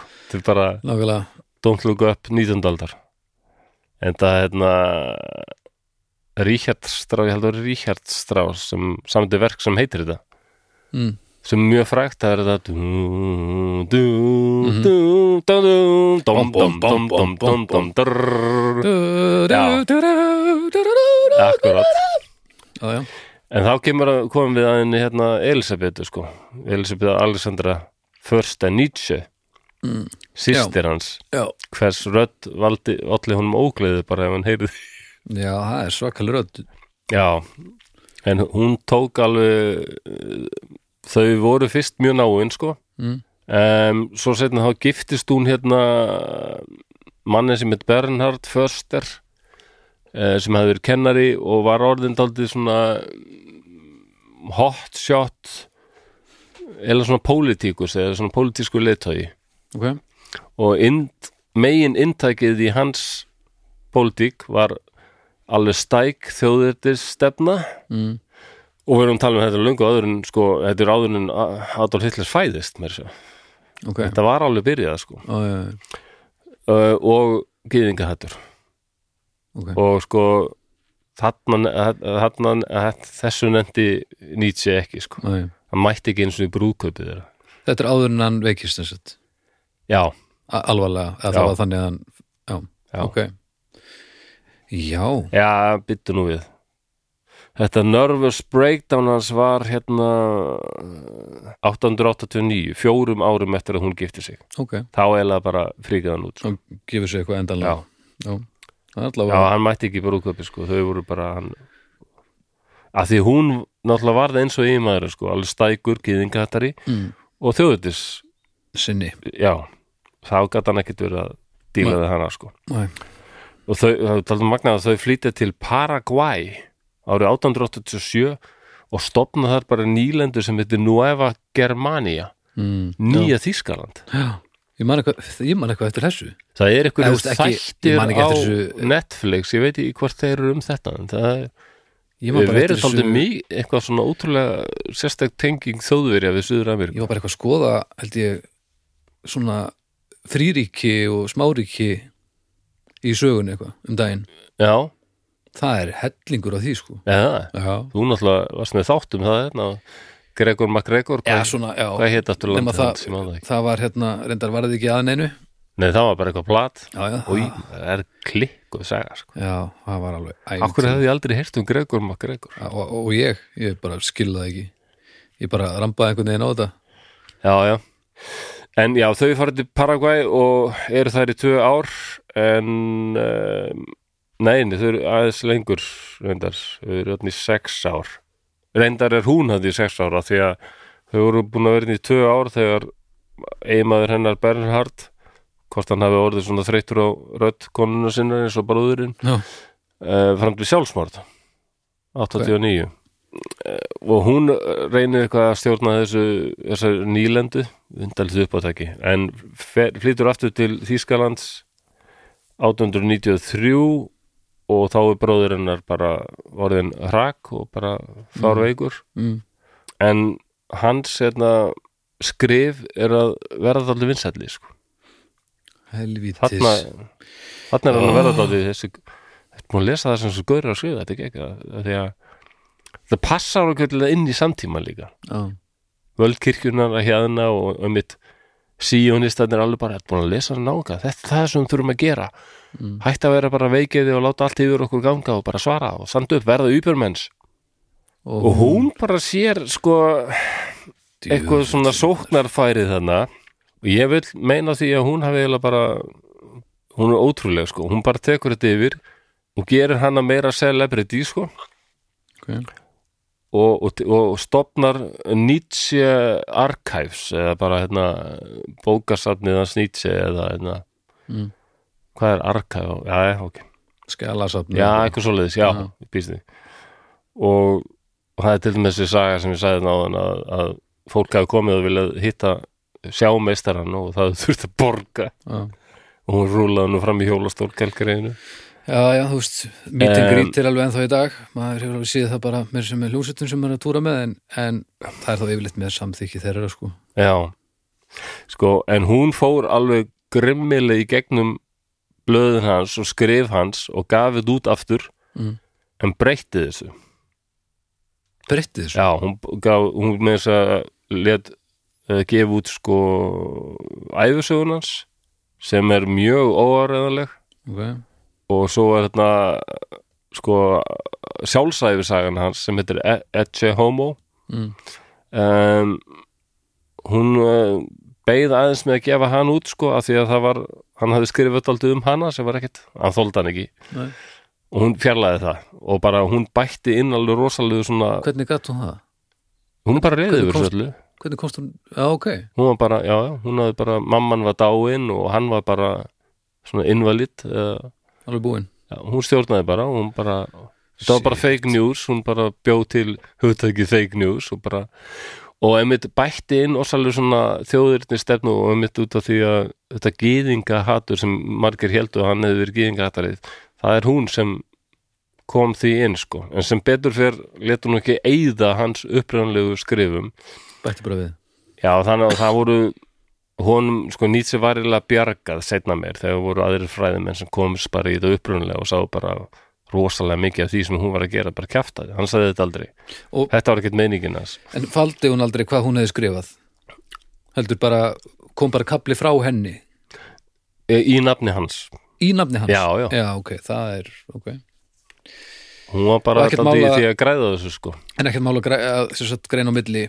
Var hún bara það mikið slakari penni eða með það mikið af, aðrar Ég hugmynd, held að afgerandi ekki- aðrar hugmyndir að það hefur ekkert verið vesen að greina á milli mm, Það er góð spurning, ég veit það ekki. Alveg nákvæmlega, Nei. hvort hún var góðu pennið ekki. Ef einhverju En hlustaði ég, ég held, jú, mér skilst nú frekar að þetta hefði ekkert verið það hefði verið fáralegt Þetta hefur unni, ég las allavega eitthvað komment frá einu svona nýtsef fræðingi að, að, að það, það þurfi ekkit það, þegar nánar var að gáð og þú last bækutar að sást alveg að ímislegt sem að gefa út gætt bara ekki passa að maðurinn hefði verið að meina þetta. Bara stíl skoðanir og, Já, Já, þannig að þetta er, þetta er dálítið dramatíst líf svona hún er óðalegur hún, er óðaleg það, það sem ég segi sko, þegar við uh, þegar hérna, Netflix samþykir handrit mitt um hérna, uh, sjónvarserju byggð á Nietzsche. Kannski er, verði það ekki drosalega skemmtilegt. Hljómar ekki þannig, það verður óða mikið settið Já Það þyrfti líklega að spæsa það upp með alls kyns svona þurfti á en svo ég man alltaf eftir því að hérna, hérna, barsmáð mín fyrir með einhverna, hún Helga hún, var oft með, sem er mikill feministi Mm. hún var held ég þegar ég kynntist henni fyrir löngu síðan þá var hún með mynd upp á vegg Mm. og það voru tveir menn og það var búið að spenna fyrir þá svona eins og svona harness eða svona re reyðtíi eiginlega Já. Svo einhver kona sem satt í svona litlum vagni Já, fyrir aftan og var með svipu. Ok. Og ég manni, ég þekkti bara einn mann, mann á þessari mynd, það var Nietzsche. Það var augljóslega hann á bara yfirskegið og allt annað. Ok, ég bara, hvað er þetta? og þá sagði þetta, þessi kona ég man ekki hvað konundi var ég skal reyna að komast að þessu. Mm. bara byrta umröðhópin ok. Já, en nú er Baldur Símon og ég held bara frá að tala um þetta, þessi kona var um, einhvers konar svona liberal frömuður á sínum tíma. Og með þess að vakti aðteglið því að hún átti nokkra ástmenn og svona. Og þetta gæti verið þessi kona sem hann varð mjög ástfangin af sem ég bara því miður man ekki hvað heitir. Eða skráði ekki alveg hjá mér að því að ég er ömulega karlæpa og ekkert gott skilið. Ok, um, og hinn maðurinn var ykkur vinur þeirra líka. En þetta, þessi myndin alltaf tekin bara í, á 19. öld og þetta er náttúrulega 1882 Lou, Andrea Sa- Salome. Já, ég held að það var hún með Salome. Já, hann var óbúslega ástfangin á henni en það hefur hún greinlega verið æðisleg. Paul Rie og Friedrich Nietzsche. Já, fannstu myndina? Já, já. Sko ég held að fólk átt, 882 að sjá konu með svipu í vagni og tveir menn í svona virðulegum fötum spenntir fyrir, ég held að fólk átti sig ekki á því hvað hverslas gífurlegt punk þetta var. Þetta er rosalega mynd. Þetta er geggjumynd, við fyrir setjum hann að beinta umröðu hópin mm já, þetta er og ég held að þetta segi ímislegt um að Nietzsche var til í að pósi þessu, þetta er örgulega bara mjög fyndið, hann var vist mjög hrifin að þessar konu sko. Já, Þannig hvern hattari var hann ekki Gýðinga hattari var hann ekki þó að eitt vinnur að segja að á að þegar hann virkilega komst á flug þá er að slapp enginn það var reynaði yfir já, alla já, sagði, já, sko. það verið rosalega stórkarlalegur og stóristur stundum sko. ok. Já, Já, hann yfirlýsingaglæður, það virðist virðist að vera já, en það er aldrei þessi stíl sem, ég menna ég hefur að lesa bókina þarna Beyond Good and Evil sko. Mm. um, mér finnst rosa erfitt að lesa rít heimsbyggingana en reynda var einn sem ég veit að er búin með marstesnám í heimsbyggi, hann sagði mér ég hef aldrei lesið eitt, eitt heimsbyggiritt upprænlegu heimsbyggingana frá aðtilöða Nei. bara bladar að, í því leitar eitthvað ákveðnu svona, en að lesa maður bara bækur um bækurna þeirra. Já, já, já, að en annars, maður þarf að glukka stundum í rítin þeirra en þetta er svo en annars er maður að fara að reyna að finna út úr einhverju sem aðrir eru búin að kynna sér. Já, á mér fannst skoðun, þessi Good and Evil eða rosalega mikið sko síðan alveg fyrir mig bara sitjandi þarna eitt við kertali og bara skrifa og skrifa og skrifa alveg bara mm. og þetta er mikið svona upprópunamerki og svona Já, og, og nú, við erum mikið niðri fyrir sko, hvað ætlum við að vera ömuleg lengi við mannfólki, hver Já. ætlum við bara að standa upp og hann, sá, hann var samt með eitthvað svona visjón, eitthvað svona sín á hvað við gætum orðið þess vegna held ég að myndi fíla Star Trek sko. Og hversu relevant er hann í dag í kennslu og það er alltaf eitthvað að vera að vitni í hann. Já, þannig að þetta eldist vel. Já, hann er alveg, alveg hann er ekki algengur en þá sko. Hann eldist betur í sinni grein en Freud hinum megin eða? ég fór á Quora reyndar sem er, veistu hvað Quora er svona, Já, já, svona spjallborð bara þú getur hendin spurningu hérna. Akkurat. Ég hendi einhvern tímann inn hérna voru rúsneskar og orðstuvelur í setni heimstöldinni miklu lélir en, en breskar og bandarískar breskar, bandarískar og þýskar Mm. bara mér skaman að fá síðan bara lesa svörin sko. Já, já, þannig svo setni heimstöldinni hendin einhvern tíma svörning sko af hverju fóru breytar eiginlega í stríð í, set, í fyrri heimstöldinni Mm. við þjóður, af hverju Já. stríði sem átti sér stað sko á, í öðru landi sko okkur, og, og það, maður fær fullt af svörum sko. Ég- og mörg þeirra eru bara ágætt og jákvæð sko. Mm. uh, já, já. Okkur var ég minnst á þetta. Já, ég fór að hvora Já. og, og það er til dæmis bara okkur nýtt sér svona frægur eitthvað svona. Mm. og það voru miklar umræður sko og sumir voru á því, það voru ykkur hérna, heimspeki menta þess að hann er ofmetin ok, pyrraði á sögður sko. Hvað þetta er mikið pop. Allir þekka Nietzsche og en hann er ekkert merkilegastur eitthvað. En svo far, sá ég að þeir fóru samt alltaf í að týna til. Þetta er reyndar ágætt sem að tala um þetta þetta er alveg mikil en já, sumum finnst er og U2, ég skilur get ekki alveg dæmt við heldur. Er þetta ekki bara U2 ha, er þetta ekki bara U2, ofspilað og þá á þetta að vera hörmulegt en svo er þetta, er Já. þetta gott bara. Ja, ég er svo innilega sammálaður U2 er bara alveg ágætt band. Já, og það er kannski meira þingislóði U2 minnar kynnslóði er meira Pink Floyd. Mm, það er alveg rosalega margir sem hötuðu þá sko. mér er alltaf þótt Pink Floyd bara ágætt en það væri hins vegar ógislega gaman. Ég veit ekkert um heimspeki. Ég veit ekkert um heimspekinga nei, ekki Ég heldur ég ekkert- ætla ekki að þykist þessar Ég tvær á eða áhuga á þrjár þessu. hugmyndir sem að þessi frasar sem þú slendir fram og maður þekkir. Já, umfram það, þá ég veit ekki neitt hvað hverjir hafa verið að segja neitt að, það er synd. Við ættum að vita meira um heimsveiki.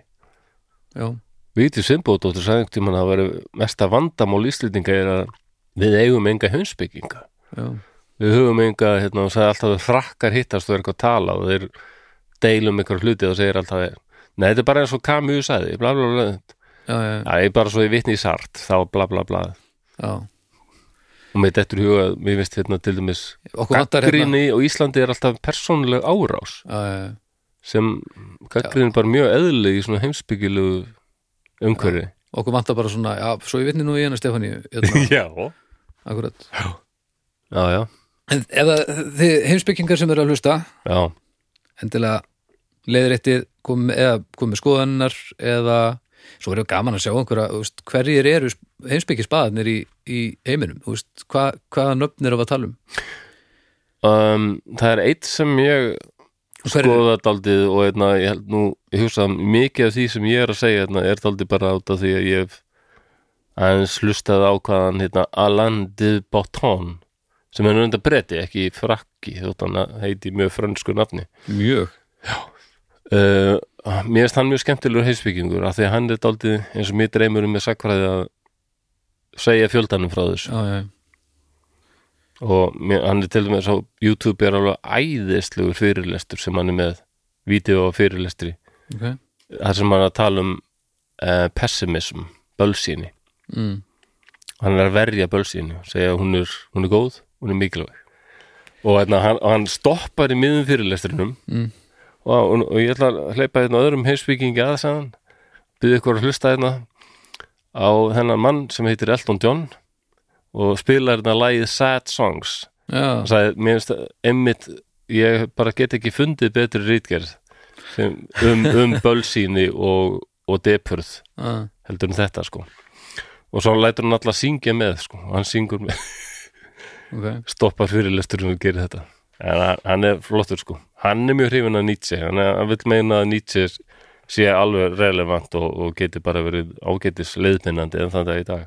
Ég er mjög spenntur að sjá þeir sem þekkja til hvað þeim finnst um hann. Það er örgulega margir sko. Bæði fólk, áhuga fólk og, og mentaðir sko, já, af því að eins og þú sagðir, þú veist, hann er orðin svo mikið pop sko, já kannski full mikið sko. Þetta er bara eins og að spyrja einhvern hvað þeim finnst um Tjeko Vara sko. Veist, það er enginn að byggja það langt flestir eru ekki að byggja það á raunveruleikanum Nei, það er eitthvað svona romantísk ímynd. svona romantískri markasetningu sem getur líka unnið gegn viðfangsefninu af því að fólk eru svo þreytt á því að sjá hann allstaðar þannig að þá er Já. að fara að taka frá fólki hvað það hefur gert vel. Já, já, þannig að ég, ég er spenntur fyrir umræðinu í kringum Nietzsche. Endilega og bara ekki vera vera óhrætt við að gaggreina mig sko, eitthvað. En dó hann bara á á þessu, þessari stofnun þarna? Já, heima hjá sér nú var hann bara heima allan tíman já. Og með sýstur sína bara á kantinum nöldrandi, hann hann dó bara við það sem hann Já, ég hef oft velt fyrir mér sko, hann var eiginlega alveg bara já, bara t- t- talaði ekki sko, virtist alveg bara já, mállus og eins og hann hafi bara reynilega fengið sko heilablóðfall eða eitthvað, já. spurning hvað hefur verið að eitthvað. En hérna, hvort hann, ég var alltaf veltið fyrir mér hvort hann hafi ennþá sko verið með hyrnina. Kannski við svona fangi í líka maður Ó nei. Og hjá sýstur sinn sem að þóldi ekki að þurft að heyra röddin í henni sko. kakkandi við liðin honum. Já, æ, æ, kall greið uh, Ertu með meira eða? Nei, Þetta var áhugavert. Finnst þú vita eitthvað aðeins meira? Já, aðeins. Þetta, þetta fór hingað og þangað svolítið. Já, uh, Ég, já þetta vilt alltaf hafa þetta rosa línulegt 1887 Oft, þá gerist þetta og svo áttan oft er það eh, oft, ég hugsa þetta svo mikið sem sögur en eins og núna kom ég ljós að það gerðist ekkert. Í, þú veist, þegar ég vildi fá fylla í eðurnar hann á milli, þá satt hann bara og skrifaði bara í áratug. Já, já, akkurat Eh, en, en oft ég vil með- ég ég vil oft, já mér, líð, mér finnst skemmtilegast að heyra sögu frá byrjun að enda, sko. Jafnvel að það er eitthvað sem að þarf að sem er svona surprise, en Já. það var ekkert surprise í þessu, heldur snýrist þetta bara um hugmyndir hans og Nei, hugmynda, já, nei, mér þetta ekki neitt kannski, það er helst kannski að hann hefði orðið á gýðinga, ég held að íms, ímsir áttu sig ekki á því, síónistar En ég er bara svona að tala um almennt núna, þetta var bara mjög skemmtilegt og, Já. og, hérna, Það átti bara að vera almennt, sko. Og ég veit meira um hann og hvað honum fannst, já. Já, en ég hlakka mjög mikið til að sjá hvað aðrir segja Já, um held að honum hafi fundist og, og hvað þeim finnst gott og hvað slæmt og, og hver eru sammála og hver eru ekki, sko, þannig að það er mjög spennandi. Já, ég held að ímsir geti varpað ykkur ljósa það? Og ef einhverjir satt núti eiga síðan uh, sína uppáhalds heimspekinga aðra ég er alveg grætt þegar kemur þessu þannig að ég verð mjög til í að sjá uh, hvað fólk uh, hefur verið að glugga í þessum mm öfnum að þetta er ógustlega áhugavert sko. Er það ekki? Jú, þetta er hryllir áhugavert. Svo er hérna, já. Já, hann Alandi Botthón hefði aldrei verið að reyna að gera vídeo sem er á YouTube sem er aldrei svona miða því að segja frá þessum heimsbyggingum á svona aldrei uh, já, almenna máta ekki á flókið veginn. Ok, það er hljóma skemmtilega líka. Já, Þannig að takk fyrir þetta, ljúurinn ég verði þér að góðu Hressandi efni um hressandi mann. uh, sem reyndar hafði ekki trú á mörgum. Nei, Uh, við bendum ykkur þá, já, draugar fortíðar umræðuhópur á Facebook, þar gæti nú aldrei já. orðið hérna fróðleg sprengja, ég ger mikið grein fyrir Ég hversu sterkar skoðanir fólk hefur á nýtse en þeir sem hafa skoðanir, ég held að þeir hafi skoðanir. Er það ekki? þannig að það verður gaman að sjá hvað kemur þar inn. Um, svo megið endilega fara og gefa okkur stjörnur uh, bæði á til þess að Apple Podcast, svo er búið að opna fyrir það skal ég líka segja, ég hendi nú inn á umræðuhópur Finni sem fleiri sem finn okkur eða taka eftir okkur. Já, en á Spotify er núna hægt að gefa stjörnur. Uh, og það geti bara skipt ansi miklu máli, þannig að ef þið nennið að fara og hlusta á uh, ég heldur þurfa að hlusta alveg hálfa mínútu af þætti til þess að mega gefa hún stjörnur. Og það er bara alveg passlegt til Ok. þess að vita hvað þátturinn snýst fullkomlega um og þá er maður alveg færum að gefa heildarmyndinni stjörnur myndi ég segja, þannig að ef þið hafið hálfa mínútu aflögu og geti gefið okkur stjörnu þá stjörnur helst, eða stjörnu ef við erum ömulegir þá hérna, það mætti endilega gera það því að einmitt eins og Flossi segir, það gerir okkur sínlegur svona. Já, Um, svo bara viljum við þakka Borg Brugghúsi og Bríó og Bónus og Sjóvá fyrir hjálpuna. Og við minnum á Lóða Stóla Larry sem er í búðum út um alland skils mér uh, núna, en við erum reyndar að taka upp, uh, hvað, viku fram í tíman eða svo, rétt tæplega. Þannig að við vonum að þetta nú ekki bara allt sem alveg horfið en, en, en ef þið stökkvið til þá, ja, hver veit, hver veit. Er eitthvað meira, nei Eitthvað sem ég er að glemma? Bara hlustu á hljóðkirkjuna náttúrulega Ertu bara góður? Já, ég er Ertu bara, í- Word for Windows er alltaf að gera mig brála Þú ert bara alltaf í tölvunni eða í símanum. Ég held um sem móðguð út af því ég ákvaði eftir að hafa notað fontin Calibri Já, í, ég veit ekki hvað, næstum áratug. Já, ákvaði að skipti yfir í Times New Roman. Nú bara, er bara viltur. tölvan sér brjálað Það er einhver að, það er verið að lifa. Til dæmis núna get ég ekki gert íslenskar gæsalappir hún vill bara gera enskar. Já, en hún gerði alveg íslenskar áður, áður. Veist þú hvernig þú gera íslenskar? Já, gæsalappir í Word for Windows samt er stilt á íslensk tungumál og allt. Ég held að vera að heyri einhverjum hakkara bara. Nei, En hérna, við skulum, við skulum segja þessu bara lokið Já. hér í dag Þetta og, er búið, Já, og við minnum, það er eitt enn Patreon. Tekkið okkur á Patreon og þið finnið link hérna í, í lýsingun á Tími til þættinu og takk, kæ- takk hérlega kæru Patreon liðar að, hérna, styðja okkur þar. Nú Já, takk fyrir það, í alvöru. En- ekki, ég er ekki að í alvöru, það er aðeinslegt En takk hérlega fyrir uh, í dag og við heyrjumst bara eftir viku. Bless